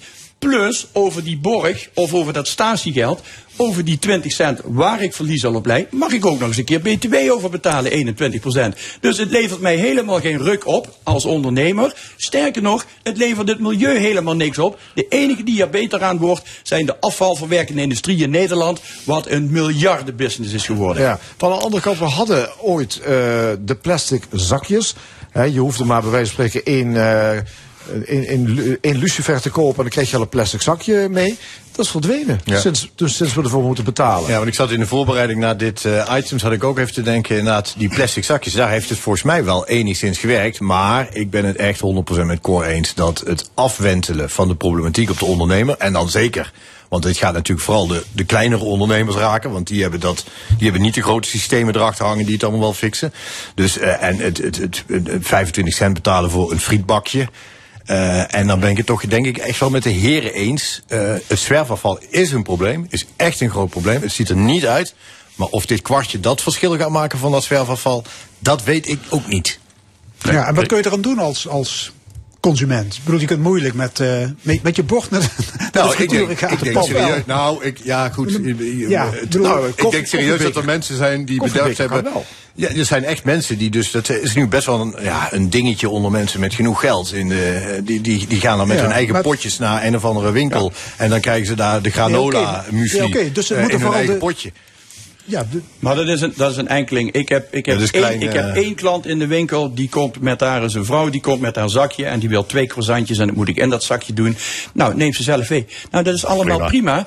ja, maar ook die, die eh, eh, eh, eh, betalen voor de plastic draagzakjes is ook allemaal symboolpolitiek. Ik weet nog de periode, en dan praat ik 30, 35 jaar geleden, toen alles in papier werd verpakt. Dat moest in één keer weg, want een papierrecycling kostte water, kostte geld, kostte grondstoffen. Dus we, we, we trappen iedere keer in dezelfde val. Nou, kijk, maar toch, even één, want het feit dat. Even los van hoe het plastic daar terecht komt. Hè? Mhm. Dat je plastic uit de natuur moet houden en daar dingen voor bedenkt. Daar ben ik het 100% mee eens. ik Dat ook wordt allemaal opgegeten door die dieren, eh, Ja. vogels die doodgaan met met plastic in de maag. Dus dat ze een poging doen om die plastic terug te brengen, dat vind ik niet erg. Alleen je moet wel nadenken van, is dit de maatregel, een frietbakje, eh, 25 cent laten kosten? Ja, eh, dat weet ik ook Nou, niet. misschien, misschien in plaats van eh, eh, basisschoolkinderen allerhande eh, overbodige informatie in de school toe te doen. Ik denk dat we beter met dit soort dingen bezig zouden kunnen zijn. Met algemene welzijn. Je moet het van thuis op school leren dat dat niet hoort. Juist. En dat is het probleem natuurlijk. Hè? En als het, het kind niet hoort, dan heeft papa en mama het ook ze niet geleerd. En dan heb je de rotzooi op straat Juist. liggen. eh, tussen hier en Den Helder. Gisteren was het Kitty Kotti, de herdenking van de afschaffing van de slavernij, 150 jaar geleden. Ja, aan publiciteit geen gebrek, hè. de media lieten zich niet onbetuigd. Hebben jullie gisteren op televisie het een en ander meegekregen? Ja, ik heb gekeken. Nee, mag ik iets verklappen? Ik had tot voor kort nog nooit van Kitty Kotti gehoord. Kijk, ik had er nog nooit... Ja, de laatste tijd word je er natuurlijk mee overspoeld. En gisteravond, eh, alle netten zaten vol. Hè. Dus, eh, en eh, ik heb me daarin verdiept. En ook in Limburg hier, moet ik je zeggen... zijn er weinig mensen die ik ken die wisten wat dat was. Ik heb wel eens gevraagd hier en daar, maar zeiden nee, niet echt. Kan misschien komen dat Suriname natuurlijk al veel langer lid was, club was van de Nederlandse eh, van Nederlanden. Want we zijn pas veel later Limburg toegetreden tot, eh, tot ons land. Hè. Nou ja, gisteren zag je hier en daar aan het woonhuis de vlag eh, uithangen. Ja, maar het was natuurlijk, wat ik gisteren ook op L1 zag, natuurlijk heel dun hier in het zuiden wat dat betreft, wat betreft de herdenking. Maar goed, wat vonden jullie van de vergiffenistoespraak van de koning? Ik vond het echt een hele, hele mooie toespraak. Even eh, los van wat je ervan vindt, de, de, de manier waarop hij die toespraak hield. Ik heb hem echt van A tot Z gekeken. Uh, moet je even voorstellen, kijk, dat, de, de, de regering had al excuses aangeboden voor het slavernijverleden. Uh, dus dat heeft hij nog een keer overgedaan. Ja, maar en vervolgens hij haalde zei ook nog eens hij- uit naar zijn voorvaderen. ja, en dat, maar vervolgens, als, je, als, je, als je goed kijkt, als je de toespraak kijkt, dan zie je dat de koning echt zijn best heeft gedaan. Eh, om eerst met mensen te spreken over wie dit ging. Vervolgens zag je de worsteling die hij heeft met het historie van zijn eigen familie op dit terrein. En vervolgens, dat vond ik het allermooiste en ook het dapperst op de plek waar hij stond, zei hij: heb ook begrip voor het feit dat er Nederlanders zijn die dit eigenlijk allemaal maar onzinnig vinden. Nou, dan heb je, vind ik, als koning de, echt perfect de goede toon. Want je doet, hè, je geeft eigenlijk het de regeringsstandpunt, je familiestandpunt. Maar je vraagt ook begrip als verbinder voor mensen die zeggen: ja, van mij hoeft dit allemaal niet. In een eh, publiek dat toch echt heel anders daarin zit. Ik vond het een hele mooie toespraak. Ja. Dat je natuurlijk wel had, eh, dat dagen ernaartoe. Doet hij het of doet hij het niet? Hè? Dat was echt zo alsof het iets ging gebeuren wat. Terwijl Rutte had gezegd al zus en zo. En als Rutte zegt tegen de koning, dat mag je ook zeggen. Is dat ook akkoord vanwege de, hè, de verantwoordelijkheid eh, van de regering.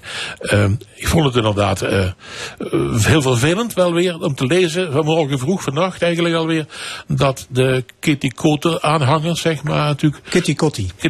Nu eh, al, wel, al een prijs aan het maken zijn, herstelbetalingen aan het uitrekenen zijn, dat meteen dat geld gaat kosten, daar zou Rutte niet blij mee zijn. Maar dat, dat, dat vond dit een beetje zeer. Ja. Ik vond de herdenking prachtig en allemaal prima.